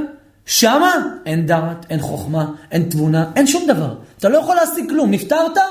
נגמר, אחי, לא תוכל לתקן, תזכור. אלא במצב אשר ילך האדם, בוא יישאר לעולם. נשמע מפחיד. למה זה מפחיד? כי אם אין אני לי, מי לי? לא בנים, לא ילדים, לא אחים. לא, אני משאיר לכם 20 אלף, תעשו ספר תורה בכבודי. מה זה יעזור? לא יעזור כלום. ולזה ראוי, אומר הרמב"ם, להשתדל בזה הזמן. הקצר, המועט, לא לאבדו, אלא בקניית המעלות בלבד. לפי שאבדתו גדולה, הואיל ואין לו תמורה ואין לו תקנה. אין, אומר הרמב"ם, תדע לך, כל זמן שאתה חי אתה יכול לתקן. אין תמורה ואין תקנה, אף אחד לא יכול להביא לך עוד זמן. זמן זה הדבר הכי יקר. איך נבזבז אותו על דברים שטותיים? איך נבזבז אותו על בלופים ושטויות? איך נבזבז אותו על ראיית שחקני כדורגל? איך? איך? ללכת לאצטדיונים לעודד מכבי, הפועל, הבל הבלים. כל רגע אתה יכול לקנות מעלה. וכל זמן שאתה לא קונה את זה, אתה קונה לעצמך יותר חוסר, חוסר השגה, אומר הרמב"ם, בסדר? וכמו שסיים וכתב, אלא במצב אשר ילך האדם בו יישאר לעולם. וכמשמעו לא ניתן לתקנו, בסדר? ולזה כיוונו חז"ל ואמרו בתלמוד שבת ל' עמוד א', שאלה שאלו את רבי תנחום, שהיה המורה ארץ ישראל, ובתוך דבריו התחיל לומר ששלמה המלך סותר את דברי אביו, ואפילו סותר את דברי עצמו. למה? פעם אחת הוא אמר, שבח אני את המתים, ופעם אחת אמר שלא המתים יהללויה, וכולי וכולי. דיון בתלמוד. הוא באמת לא קשה. מה שאמר דוד המלך, לא המתים יהללויה. כוונת דוד המלך שכל זמן שאדם חי, יעסוק בתורה ובמצוות. וכיוון שמת האדם, נעשה חופשי מן המצוות. מת האדם, נעשה חופשי, בסדר? ואתם יודעים שהקדוש ברוך הוא אה, רצה לכלות את עם ישראל בחטא העגל, מה דבר אחד עזר בתפילה של משה רבנו? דבר אחד שמשה רבנו אמר. זכור לאברהם, ליצחק ולישראל עבדיך, האבות הטהורים שלנו, שאתה מזכיר אותם בתפילה, אלוהי אברהם, אלוהי יצחק ואלוהי יעקב, באו אלה המשובשים, אמרו בוא אתה עושה תיקון אצלי, אני מתקן אותך, יש לנו אבות קדושים, זכור, עד שלא אמר את זה, לא מחל. לכן שבח אני את המתים, שאתה מזכיר אותם, את האבות, אברהם, יצחק ויעקב. מה? עולה הזכות לפני בורא יתברך, והוא אומר, הנה, אני אקיים לך את זה. למה? הבטחתי לאבות הקדושים, שאם תעשו תשובה, אני אגאל אתכם, אני אתן לכם. אז אם אתה עושה תשובה ואתה מזכיר את האבות, וואי, וואי, וואי, זה עולה לקדוש ברוך הוא. אומר, הנה, הבטחתי, אתם הבנים, אתם הבנים שלו. וכתב רבנו המאירי, לעולם יעסוק אדם בתורה ובמצוות בחייו. שימו לב, שמאחר שמת, אין לו תורה ומצוות. ואין תשובה לנפש אחר מיתה. איזה מילים. והרי תלמד דבר פשוט זה מדרך העולם. מי שטרח בערב שבת, יאכל בשבת. מי שלא יכין בפרום בערב שבת, בשבת אפשר לבשל? אפשר לעשות חריימה? אפשר להכין דברים? לא. מהיכן יאכל בשבת? וכבר הארכנו בחיבור התשובה. הלכתי לחיבור התשובה, הבאתי את מה שהוא הזכיר. בעולם הזה, מישהו קטון? רגיל קטן, מה יכול לעשות לעולם הבא? גדול. בעולם הבא, מישהו גדול? לא יכול לעשות קטן. וכן הוא אומר מעוות, לא יוכל לתקון, וחסרון לא יוכל להימנות. מה הם אומרים? שאם אדם השאיר בן שלא הולך בתורה ומצוות, מוציאים את האבא הזה, שהוא צדיק, מהגן עדן, מראים לו את מה שיש לבן והוא סובל צער של גיהנום. מה זה? לא הבנתי. אה? מה זה ספיידרמן? אה? לא הבנתי. לא הבנתי, האדם שמר תורה ומצוות, אז הבן שלו לא הלך בתורה ומצוות. מה הבא השם אם הוא חינוך אותו טוב? למה צריך להוציא אותו ממקומו? מה זה ההבלים האלה? נמשיך. תעודת עניות, תעודת עניות זה, אתם צוחקים. אבל בעולם הבא מישהו מעוות אינו יכול לתקון, ומישהו מחוסר אינו יכול להימנות. והרי לך קורא נעים כי אחר המוות אין שום תיקון לאדם, אלא במצב שהלך בחיי חיותו, כך הוא נשאר לעד. ויש עוד להרחיב הרבה בעניינים אלו וכיוצא בהם, ולהחזיר עטרה ליושנה, להפך ממה שגדלנו עליו. בכל אופן, אדם צריך לדעת שאין תיקון אשר אפשר לפעול בנשמתו, אלא בעולם הזה. זה הקדמה ראשונה. משפט רשעים בגיהנום. כתוב במשנה בעדויות. משנה מה זה? קבלה למשה מסיני. רבי עקיבא אומר, אף הוא היה אומר זה רבי עקיבא. מצאנו חמישה דברים שנאמר בהם 12 חודש. הלאה, מה הם? הראשון, שנאמר בהם עונש של 12 חודשים. יפה. הדבר הראשון, חמישה דברים נמנו של 12 חודשים. משפט, עונש דור המבול, 12 חודשים. הבא, משפט דינו של איוב, 12 חודש. הבא, משפט עונש מצרים, 12 חודש. שימי לב, חמישה דברים נאמרו לנו שיהיו 12 חודשים. שהיו ושיהיו. של עונש. דור המבול, כמה זמן נענשו? המבול, כמה זמן היה? שנה שלמה. עונשו של איוב שסבל, כמה זמן היה? 12 חודש. עונשם של המצריים, 10 מכות שנמשכו כמה זמן? שנה שלמה, 12 חודש. מלחמת גוג ומגוג לעתיד לבוא כמה זמן תהיה? 12 חודש. שימו לב, זה מה שם כתוב, כן. עכשיו שימו לב, שים לב, הכל אצלם מתקצר, כן. הכל קצר. הכל בעולם הזה, בדיוק, שימו לב. משפט דין רשעים בגיהנם 12 חודש, שנאמר והיה מדי חודש בחודשה וכולי וכולי. והנה המשנה הזאת צריכה ביור, אני כותב, כי יש כאן דברים נפלאים למעיין הטוב. ראשית כל יש לומר, כל המנוי כאן, במה מדבר? במה מדבר? כל מה שדיברתי עכשיו. שכל ישר, בדברים שקורים בעולם הזה. לא עולמות רוחניים. למה? דור המבול איפה היה? פה. איוב עונשים שלו איפה היו? פה. מצרים איפה היה עונש? פה. גוג ומגוג איפה יהיה? פה. אם ארבעת הדברים שמנויים במשנה הם פה, והגיהנום הוא רוחני, רבי עקיבא היה צריך לסייג ולומר, דע לך, משפט רשעים בגיהנום שהוא רוחני, יתקיים למעלה. מה אומר רבי עקיבא? במשפט רשעים בגיהנום יהיה 12 חודש. איפה זה יהיה? לא, אבל איפה זה יהיה? בגוף או ברוח? בגוף. בגוף. כי כמו שאלה בגוף, גם זה בגוף. זה נאמר באותה... זה נאמר בא, באותו אחד, בסדר? עכשיו שימו לב, איזה יופי. שימו לב איזה יופי. בואו נשים לב לרצף הכרונולוגי. מה הדבר הראשון שהיה? סדר יש פה. מבול. איוב, איוב היה לפני מכות מצרים. בתוך המכות הוא חזר בתשובה. כמו שאומר תרגום מנתן, שעל הפסוק, הירא דבר השם הניס את, אה, את הזה, אומר התרגום מנתן, זה איוב. מה אחרי זה? מכות מצרים. מה אחרי זה יהיה? מלחמת גוג ומגוג. מה אחרי זה? משפט רשעים בגיהנם. 12 חודשים. מאיפה זה יהיה? מה בא אחרי מלחמת גוג ומגוג? תחיית המתים. זאת אומרת, הרצף הכרונולוגי מעיד שזה לא מדבר אחרי הפטירה של הבן אדם. שכל! שכל! פשוט! למה אני מבין את הפשוט הזה ואתם לא? למה? כי היה ביניכם, ראיתם חשיכה, היה לכם ספרים של חשיכה, שלא יכלתם לחשוב שיש ספרים של פגניות ו- ומיסטיקה ומגיה, הם מחשיכים לך את התובנות, אז אתה לא יכול לחשוב. מי חושב על הדברים האלו? מי שיוצא מהזוהמה, מי שיוצא מהפגניות, אז הוא יכול לחשוב על זה. אז הרצף הכרונולוגי מעיד, שמה? שהמשפט של הרשעים יהיה רק אחרי גוג ומגוג. זאת אומרת, אין גיהנום אחר המוות. אין. מתי יש גיהנום? בתחיית המתים, שימו לב. אבל איך רבי עקיבא יכול לדעת מה יהיה? איזה שאלה שאלת, כמה אני אוהב אותך, ועל השאלה הזאת אומר המאירי, שים לב מה המאירי אומר, איך אני אוהב אותך. כיוונת לאמת של המאירי, יפה מאוד, שים לב. איי, איי, איי, איי, איי. אה, כיוונת לרבנו המאירי. ואל תטמע על דבר זה ותקשה, שהרי אמרו חז"ל שיש עבירות שנפרעים מן האדם. אם אני אומר שיהיה משפט לרשעים בגיהנום, 12 חודשים, מה אני אומר פה בעצם? שכל הרשעים יקומו מהקבר ויקבלו את הדין. זה טוב או לא?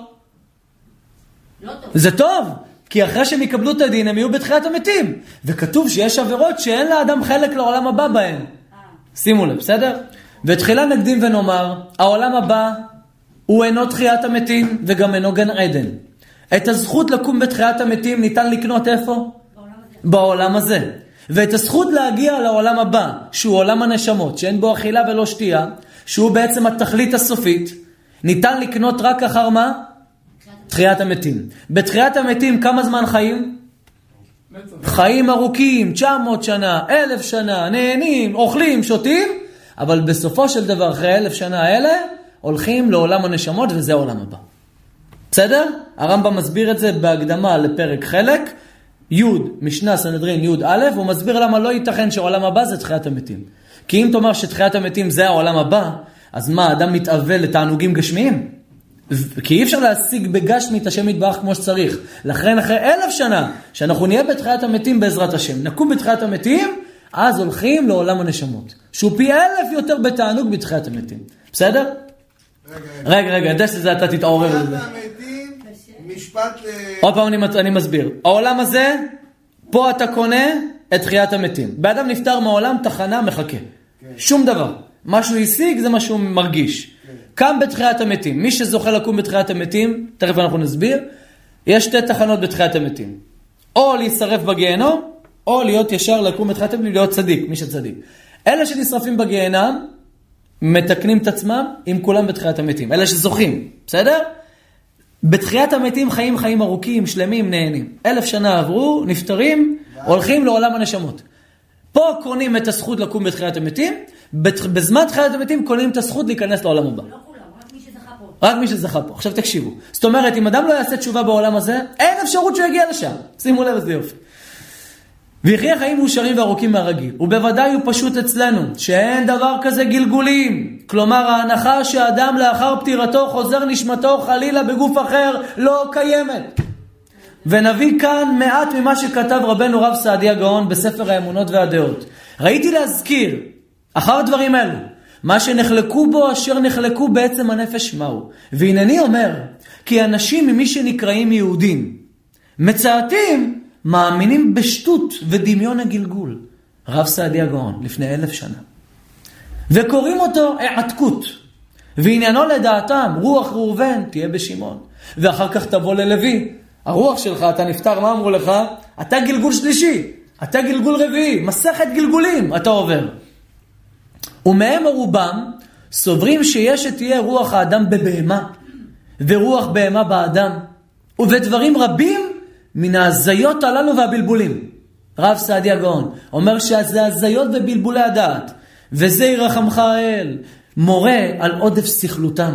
שהם חושבים שגוף האדם משנה את הנפש מעצמותה, ועד כדי שעושה אותה נפש אדם אחר, שהייתה נפש בהמה. מה הם אומרים בעצם? אדם מחלל שבת, נפטר, לאן הוא חוזר? בתור חתול. אז הם לא מרחמים עליו, כי הוא חתול. הם אומרים בעצם שהמידות שהיה לך בתור בן אדם הולכים להיות בחתול. במקום להגיד מה, אתה אומר מיהו. אומר רב סעדיה גאון, זה לא יכול להיות. ולא די בכך שהם עשו את עצמות הנפש מתהפכת, ולא קבעו לה עצמות אמיתית. הנפש שהייתה יכולה לקיים מצוות, פתאום היא באה בתור חתול. אין תפילין? לא. אלא שסתרו דבריהם ועשו אותם משנת הגוף והופכתו, ואומרים כי הבורא מעשיו צדק וכולי וכולי, והייתי חס על דבריי מלהזכיר שיטתם הנגעלת, וראויים הם לכך שלא אזכיר דבריהם לעוצם גרירותה, לולא שאני חושש לפתאים שלא יתפתו אחר דבריהם. זאת אומרת, כל ספר שבא ודמיין אתכם על גלגולים, זה לא דעה, דעת יהודה של, של התורה, לא דעה של מחשבת התורה והיהדות. מאיפה זה בא? אבל עשרה הרוגי מלכות, שתיקנו את... או, זה מה שהוא בדיוק אומר, הדמיונות של עשרת הרוגי מלכות. אין שום קשר, אומר. הוא מפרק את כל זה. גם רבנו רבי אברהם ברכיה, אשר נקרא בפי כל הנשיא, שם זה ניתן לו בעקבות היותו מזרע דוד המלך, מבני בניו של חזקיה, כותב ככה, אם אוויל וחסיד הוא, אין נשמתו יכולה להיפרד מאוויר העולם השפל. היא חוזרת להידבק ליצור ולהתחבר בו פעם שנייה ושלישית. אם הוא היה בן אדם אוויל וחסיד, אז הוא חוזר פעם שנייה ושלישית עד שתקנה חוכמה. זאת אומרת, הוא היה לא כל כך צדיק, הוא זוכה לחזור בבן אדם. אלו הן דברי חכמי המחקר. מה זה מחקר? גויים! כמו שרבנו יונה כותב על עין הרע, חכמי המחקר אומרים שאפשר לפגוע בעין רוחנית. זאת אומרת, הדעות האלה, הכוזבות שנכנסו בעם ישראל ממי? מחכמי המחקר הגויים. אז אם תראו ספר שכתוב שם גלגולים, תדעו שהספר הזה למד מהגויים את דבריו. אומר, כפי סברתם המשובשת ושיקול דעתם השכל, כי לא זיקם המקום לקבל התורה הקדושה, ואיננו רואים לשמוע עליהם. 800 שנה אחורה, בסדר? עוד פוסק, שימו לב. גם רבנו רבי אברהם בן הרמב"ם כתב שקצת מן החסידים מן האומות הקדמונות, אחר שזה אצלם שקר הישארות הנפש מבלי הגוף, והאמינו שנפש האדם יש לה הישארות. וצרכו מפני זה להאמין בהוללות הגלגול, רבי אברהם בן הרמב"ם. והוא שנפש המת בעת היפרדה ממנו תתגלגל, גלגולים, ותיכנס בגוף אחר, ותשכח הגוף שראיתה בו. וזה הדעת. לא סבר חכם אמיתי, ולא האמין בו בעל תורה. אבל הוא מעוללות דעות הקדמות, אשר מחה השם שמה מן העולם. אומר רבי אברהם בן הרבם, מי מאמין בתורת הגלגול? מי שסובר שיש אל אחר שברא את האל שלנו. מאמין בשניות. גנוסטיקה. זה משם נכנס. כל זה כתוב. אי אפשר לבוא ולצעוק על חן שאולו. אתם צועקים על רבי אברהם בן הרמב"ם, על רבי בנימין מתודלה, על הרד"ק, רבי דוד קמחי, רב, סעדיה גאון, אומר רבי... מה רבנים שסוברים על גלגולים יגידו על דבר כזה? עכשיו הם ישמעו את זה. שהם לא ראו את תורת הסוד. הם לא היו בקיאים בזה, הם לא קיבלו. אנחנו קיבלנו. משה רבנו קיבל תורה חיצונית. ככה הם אומרים. לא שמעת את הטמא הזה מקודם אומר, לא היית פה. אני יודעת מי זה. השמענו איזה טמא פה מקודם אומר שמשה רבנו קיבל חוכמה חיצונית. לא קיבל תורה פנימית. הם קיבלו תורה פנימית שמה? לא לישון בסוכה, כי יש אורות גבוהים בסוכה. שמעתם על זה? אסור לישון בסוכה היום, למה? ירדה, יר, כן, ירדה חוכמה, ירו, ירד אורות גבוהים, לס... הם מבטלים מצוות מהתורה וכולם שותקים. הם, כתות. עכשיו הרד"ק כותב, שימו לב, הרד"ק לפני 800 שנה. אמרו קצת חכמי המחקר, כי כל חי אחר מותו יקום. כי הנפשות הן עתידות להתגלגל ולחזור לעולם. מי אומר את זה? חכמי המחקר. אבל אינן חוזרות אל החומר הראשון כמו אותו החומר בעצמו. וזה יהיה תמיד לכמה אלפי שנה. וגדולי הפילוסופים אומרים כי לא תשוב הנפש אל הגוף לעולם. פילוסופיה הרע אומרת שאי אפשר שיהיה תחיית המתים. חכמי המחקר הגויים אומרים לא, יש תחיית המתים רוחנית, שהנפש חוזרת בתור כמה פעמים. ומה דעת התורה, רבי דוד קמחי אומר? שימו לב. אומר ככה, ולאמונתנו, איזה אמונה יש לנו אנחנו היהודים? תורת משה. זרע ישראל והמחזיקים באמונתנו יהיו הנפשות חוזרות אל החומר הראשון אשר יצאו ממנו לזמן תחיית המתים, אשר יעדנו בו אל יתברך. נפטרת מהעולם, אתה חוזר לאותו גוף שהיית בו בתחיית המתים. ויהיה זה על דרך נס ופלא, ולא כפי הטבע. וגם בספר מקור חיים כתב, יש מי שחושב שעניין היבום הוא ראיה לגלגול הנפשות, ואומרים כי נפשות, עשרת הרוגי מלכות הן נפשות עשרת השבטים, ומביאים ראיות, וכולי וכולי. ומה הוא עושה להם שם, והוא קורא להם ככה. אתם רוצים שאני אגיד להם מה הוא קורא לכם? כן. להגיד לכם, זה קשה. להגיד לכם או לא? ואותם המאמינים בה, מטה לאמונת אומה שקוראים פגנוש. מי אלה? הדרוזים. דרוזים, שהם התחילו את אמונת הגלגול. שאומרים שהנפש בצאתה מן הגוף תיכנס בגוף ילד, ואם רע, תיכנס בגוף כלב. דרוזים, אסלאם, נצרות, בתוך דת ישראל. מה אתם...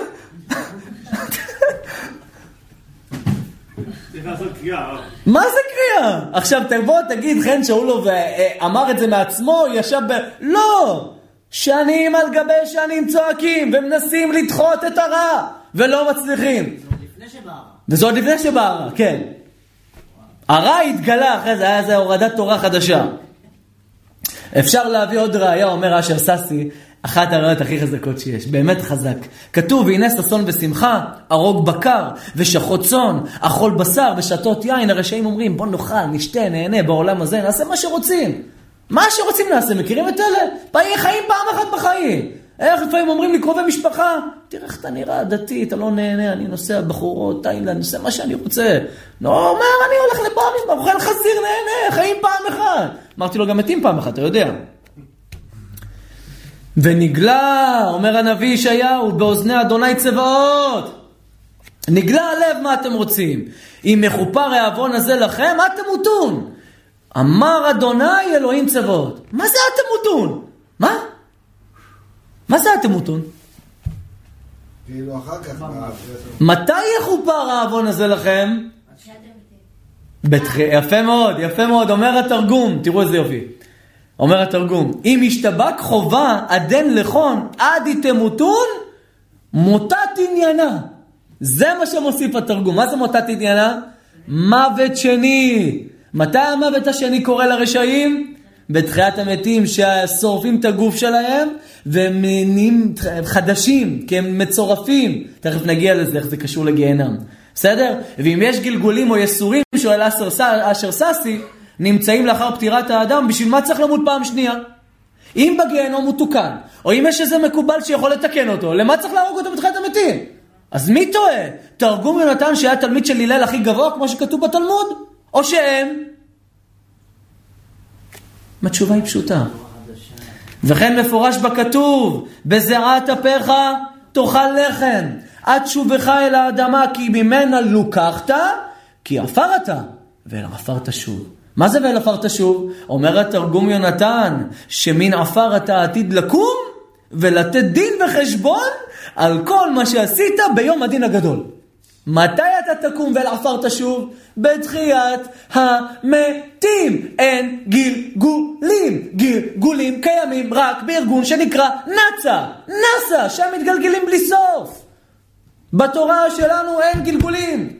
כי באת, אם אין גלגולים זה לא מסתדר. למה? כי אתה כי לא עברת גלגול. אז זה מסתדר, אם בתחיית המתים. מהעפר באת אל עפר תשוב. לא אל גוף אחר תשוב. בסדר?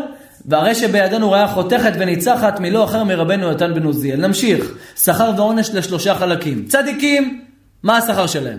קמים מן הקבר ואין מקבלים מסורים. ועל זה אמר הנביא האחרון אשר היה לעם ישראל, מי הוא? מלאכי.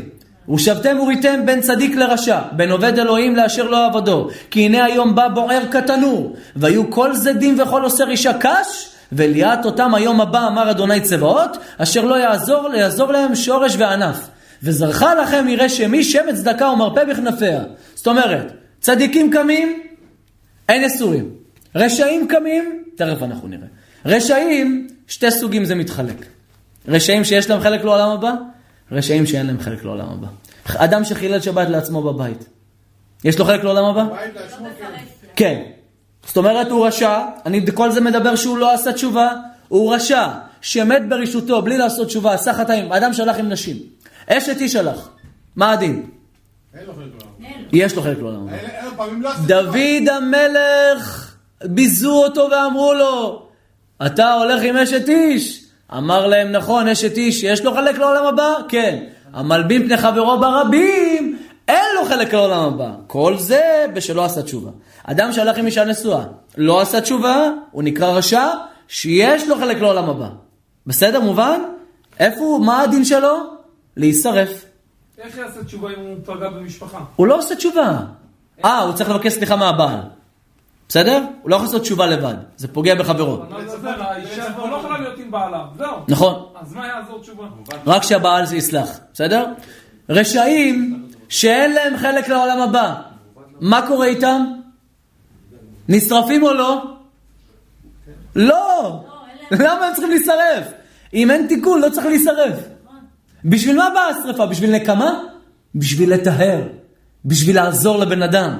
לא באה בשביל להרוס אותו. לכן, אומר המאירי על אייל, מה שאלת, מאיפה רבי עקיבא יודע? אומר המאירי, ומה שאמר רבי עקיבא, אין זו דעה מקובלת לנו מדור לדור. אין זה דת ישראל, אלא רבי עקיבא עשה חשבון מדעתו. כך אומר המאירי. אומר, יכול להיות שהדין יהיה אחר, בסדר? זאת אומרת, רשעים שאין להם חלק לעולם הבא. מי אלה? מי אלה? ואלו הן שאין להם חלק לעולם הבא, אלא נחרטין ועובדין ונידונין על גודל רשעם, וחטאתם לעולם ולעולמי עולמים. אמינים, אלה שחושבים שיש סמאל, וגם הקדוש ברוך הוא. אפיקורסין, חולקים על התלמוד, אומרים זה תורה חיצונית. זה ישן, צריך תורה חדשה. הכופרים בתורה, כופרים בתחיית המתים ובביאת הגואל.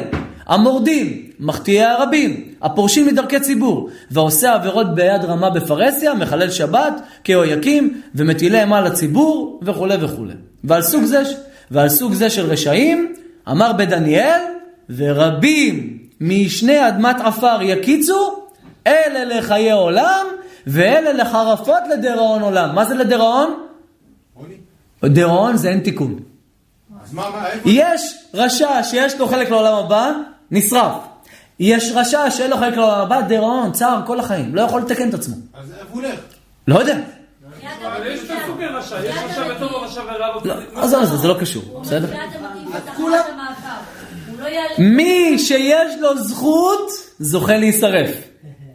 תקשיב טוב. לא, אבל הוא נשרף, אבל אחרי זה נשאר כאילו... אדם שנפטר מהעולם, שנייה לפני המוות עשה תשובה, לא נשרף, הרי הוא צדיק. קם בתחיית המתים בלי איסורים. אדם שנפטר בלי לעשות תשובה, והעבירות שהוא עשה זה עבירות שיש להם חלק לעולם הבא, נשרף, מתוקן, כמו הצדיקים. ואז הוא ממשיך לעולם הבא. ממשיך לתחיית המתים, כמו הצדיקים. האלף שנה של הסבבה. בדיוק, של הסבבה, אהבת. אבל מי שהחטיא את הרבים, מין, אפיקורוס, עין הרע, פגניות, מגיה וכל הדברים האלו, אין לו חלק לעולם הבא, לא זוכה להישרף. גם לא זוכה לקום. לא זוכה לקום. לא, אבל הוא קם כדי לקבל את... ורבים משני אדמת עפר יקיצו, רבים יקיצו, אבל מעטים לא יקיצו. אלה לחיי עולם, הרשעים שיש להם חלק לעולם הבא. אלה לחיי עולם והצדיקים, ואלה לחרפות לדיראון עולם כל החיים. בסדר? ודע שכתב... אה? אבל אם הוא מת, אתה הוא לא שומע. לא שהוא מת. איזה חרפות. רגע, חכה. תקשיב. הבן אדם רשע, לא חזר בתשובה, ואין לו חלק לעולם הבא. יפה. הוא נשאר מת, אמרת. נש... לא נשאר, תקשיב. הנשמה שלו סובלת כי אין לה תקנה. זה העונש שלו, שאין לו איך לתקן את עצמו, הוא נשאר במצב שלו. הוא לא נשרף, לא חותכים אותו. הצער שלו הגדול שהוא לא מוצא לעצמו תקנה עד שהשם יחדש את עולמו, לא יודע מה יעשה. בסדר? ודע שכתב רבנו המאירי, וכל אלו קצת אמונות דתיות קדומות, בלתי מוכרחות. גם מצד דרכי הדת, רק, רק בעניין קבלות. מהם קיבלו שלאחר 12 חודש קלים לגמרי וכולי. זאת אומרת, ייתכן שהרבי עקיבא אמר את זה בתור מקסימום. אבל יכול להיות ש- שיקומו מהקבר הרשעים, הקדוש ברוך הוא ישרוף אותם בכמה דקות, וזהו. רבי עקיבא הפליג ואמר שזה המקסימום. איפה אנחנו רואים את זה? רשב"י היה במערה. כמה זמן? 12 שנה. שימו לב, מה הוא עושה במערה? מה הוא לומד? תורה, נביאים, כתובים, משניות, הלכות של משה רבנו, זה מה שהוא לומד. 12, ש- 12 שנה הוא מחכים, לומד, את כל הזה, יש לו זמן לפלפל בתנ"ך, בנביאים וכתובים, בסדר? יש לו זמן לפלפל בזה. יוצא מהמערה, אליהו הנביא בא ואומר לו, צא מהמערה, אתה יכול לצאת. מה, במה הוא מודיע לו שהוא יכול לצאת? המלך שרוצה להרוג אותך נפטר. רשב"י יוצא, נותן עיניו באנשים שעובדים. מה קורה להם? בתלמוד כתוב שנתן עיניו בהם נשרפו. אפשר לשרוף אנשים בעיניים? מה רצו לומר חז"ל? הוא לא באמת שרף אנשים. הוא רצה לשנות סדרי עולם, רשב"י. בתורה כתוב שאדם צריך לעבוד וללמוד. אסור רק ללמוד. רשב"י אחרי 12 שנים שיושב ולומד לא מעלה על דעתו שאנשים יעבדו. הוא בא ושורף את המהות של השם. שורף אותה, מה אתה עושה? אומר לו בורא עולם, מה אתה מנסה לשנות סדרי עולם? כנס למערה, חטאת. מה עשית? מה אתה רוצה לבטל לי מלאכה? כל תורה שאין עם המלאכה סופה בטלה. לא שבאמת הוא שרף, עושים גל, גל של עצמות. תחשבו מה התכוונו חז"ל. רשב"י נכנס למערה, עוד שנה. כמה זמן הוא יושב שם? 12 חודש. והמלך מת, הוא יכול לצאת מתי שהוא רוצה. לאחר 12 חודש, מי אומר לו לצאת? לא, שום בת קול. שים לב, אמרו לעצמם, הוא ובנו עשו חשבון, הגיע הזמן לצאת. משפט רשעים בגיהנם, 12 חודש. מאיפה הוא למד את זה? מהזה שאמרנו קודם. יפה, מי הרב של הרשב"י? רבי עקיבא. ה- החם של רבי עקיבא לא רצה לקבל את רבי עקיבא. חוזר בתשובה, מי הוא בכלל? מי הוא בכלל? חזר בתשובה אתמול. ילד קטן צוציק עם חלב על השפתיים ידבר? אבל הבת שלו הייתה חכמה והבינה שאדם חוזר בתשובה יכול להיות שהמעלה שלו תהיה יותר גדולה מאברך, מבני ברק ואלעד. הוא גם משהו. בזכות הבת של רבי עקיבא, בזכות הבת של כלבא סבואה, יצא לנו רשב"י. כי בלי רבי עקיבא לא היה רשב"י. חוזר בתשובה, ירדתם על חוזרים בתשובה, אה? תראו מה יצא מרבי עקיבא, רבי שמעון בר יוחאי. אז רשב"י עשה חשבון, הרב שלי סיפר לי שמשפט רשעים בגיהנום עד 12 חודש. אז מה אנחנו? אני תופס את עצמי כרשע על מה שעשיתי. יצתה בת קול אמרה תצאו, זהו. מה, מה רשב"י הבין? איפה העונש? בגוף, נענשתי בגוף. העונש פה. אם רשב"י היה חושב שרבי עקיבא דיבר על רוח, הוא לא יכול לתת את המשל הזה. כי זה לא שייך. לכן העונש חייב להיות בגוף. קיבלתי עונש בגוף. אז מה זה גיהנם לפי רשב"י? שרפה? לא. צער. כי אם הוא, הוא לא יכול להמשיל את המילה גיהנם למה שהוא עבר, כי הוא לא נשרף. אז מה זה המילה גיהנם? צער. זה משל לצער שעובר האדם ולא משנה מהו, בסדר? והנה קורא נעים וכולי וכולי. והנה המשנה בידיעות הזכר שבא אמר רבי עקיבא שמשפט הרשעים בגיהנום הוא 12 חודש, ראייתו ממה שנאמר, כי כאשר השמיים החדשים והארץ החדשה, אשר אני עושה, עומדים לפ, לפ, לפניי, נאום אדוני, כן יעמוד זרעכם ושמכם. והיה מדי חודש בחודשו וכולי וכולי. והנה כל זה המאמר מדבר על תחיית המתים ועל מלחמת גוג ומגוג. שרבי עקיבא אומר את הדברים, מביא ראיה מפסוק. הפסוק עצמו על מה מדבר? גוג ומגוג ותחיית המתים. לא ייתכן שאם הוא יביא ראיה מפסוק שמדבר על תחיית המתים, זה ידבר על עולם רוחני. בסדר עד לכאן? מסיימים את המאמר. עכשיו אנחנו הולכים ולומדים את השאלה הכי חשובה. למה חז"ל קראו לצער, לשרפה, שיהיה לאדם בתחיית המתים, בשם גיהנם? ולזה הסתבכו כולם. מה זה גיהנם? והראיה הכי ברורה שגיהנם הוא לא מקום, שם שם. הוא שם המורה על צער והסבל שעובר האדם, הוא מה שאמרו בתלמוד. לא נגיד את זה, זה ארוך הדבר הזה, נדלג. לא משנה, נדלג את זה. אה, הפליגו חז"ל במליצה, גופן קלה, נשמתה נשרפת, רוח, זה יש פה, זה, זה 20 דקות מהלך, נדלג על זה. כתב הרמב"ם, אבל גן עדן הוא מקום דשן בכדור הארץ, בעיגול הארץ. מרובים בו הממות והאילנות. מה זה גן עדן לפי הרמב"ם? מקום לא רוחני, בארץ פיזי מציאותי, שנגלה לבני האדם מתי? שיקומו בתחיית המתים הצדיקים. בסדר? ואלה שזכו להתקן. יגלו, יגלהו השם לבני האדם בעתיד ויורה להם את דרגו ויתענגו בו. ואולי ימצאו בו צמחים נפלאים מאוד, שתועלתם גדולה, אבל גיהנם! הוא כינוי לצער שישיג את הרשעים. ולא נתבהר בתלמוד אותו הצער. אלא יש אומרים, השמש מתקרבת אליהם ושורפתם, ויש אומרים, חום מוזר ייווצר בגופם וישרפם. שתי שיטות, בסדר? אומר הרמב"ם. עכשיו שימו לב, נמשיך.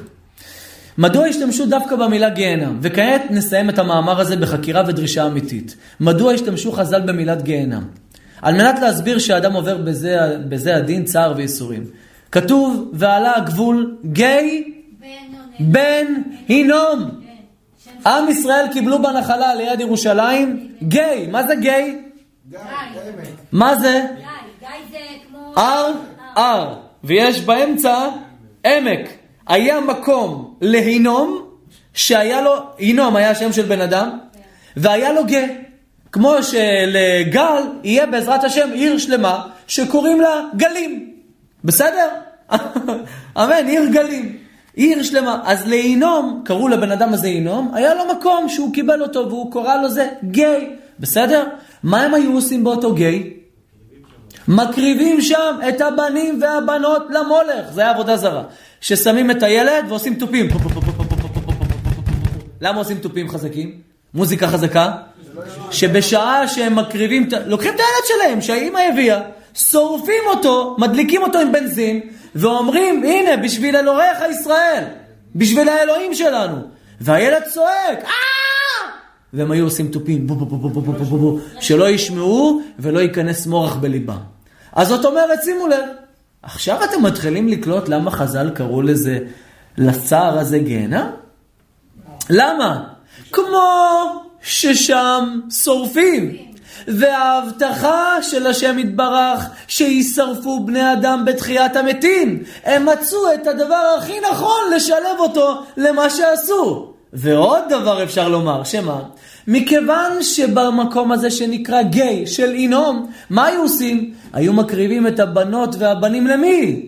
לדבר שלא יועיל. אומר השם יתברך, אני שם אתכם במקום שיועיל לכם ושורף אתכם.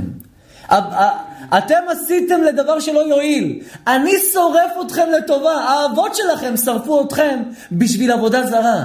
אני שם אתכם ומצרף אתכם לטובה. ומכיוון שלתאר בן אדם, לתאר זהב, לתאר כלים, איך עושים? שורפים. כשאתה רוצה ליצור זהב, אתה מצרף אותו. ומכיוון שכתוב על ימות משיח, מה כתוב? וצרפתים, כצרוף הכסף. וניקיתי אותם. לכן חז"ל לא מצאו מילה שמתאימה יותר כמו גיהנם. וכמו שבגיהנם שרפו, חז"ל השתמשו במילה הזאת, לא שיש חדרים אחרי פטירת האדם ששורפים שם, לא. חז"ל נתנו משל, שתבין על המקום הזה שהיו עושים שרפה, גיא בן אינם. לכן כתוב גיהנם, פשוט. הכל פשוט, הכל ברור. ויותר מזה, כעת אני מבין מדוע השתמשו חז"ל, רמזו לנו שלא יחשוב האדם ויעלה על ליבו שחלילה לאחר הפטירה הוא זמן התשלום. עוד סיבה אחת אני מוצא. למה השתמשו במילים דף הגיהנם? איפה היה גיהנם? בעולם הזה. הם השתמשו במושג וכינוי שתבין שהעונש הוא שוב בעולם הזה. ולא אמרו לך שורפים את הבן אדם סתם. היית חושב שורפים אותו לאחר הפטירה. עכשיו מי יכול לדבר נגד חז"ל אחרי החוכמה הזאת? שכל מילה, כל פסיק, אלף אוצרות. בא הטמא הזה ואומר, אין להם חוכמה אלה, חוכמה ישנה. באים כמה ספרים כותבים, צועקים ככלבים. בושה וחרפה, שבורא עולם משמח אתכם. ניפגש בתוכנית הבאה, יש הרבה על מה לדבר שבוע הבא. אמן כן יהי רצון. חזק וברוך, תודה רבה על ההקשבה. מקווה שנהנתם.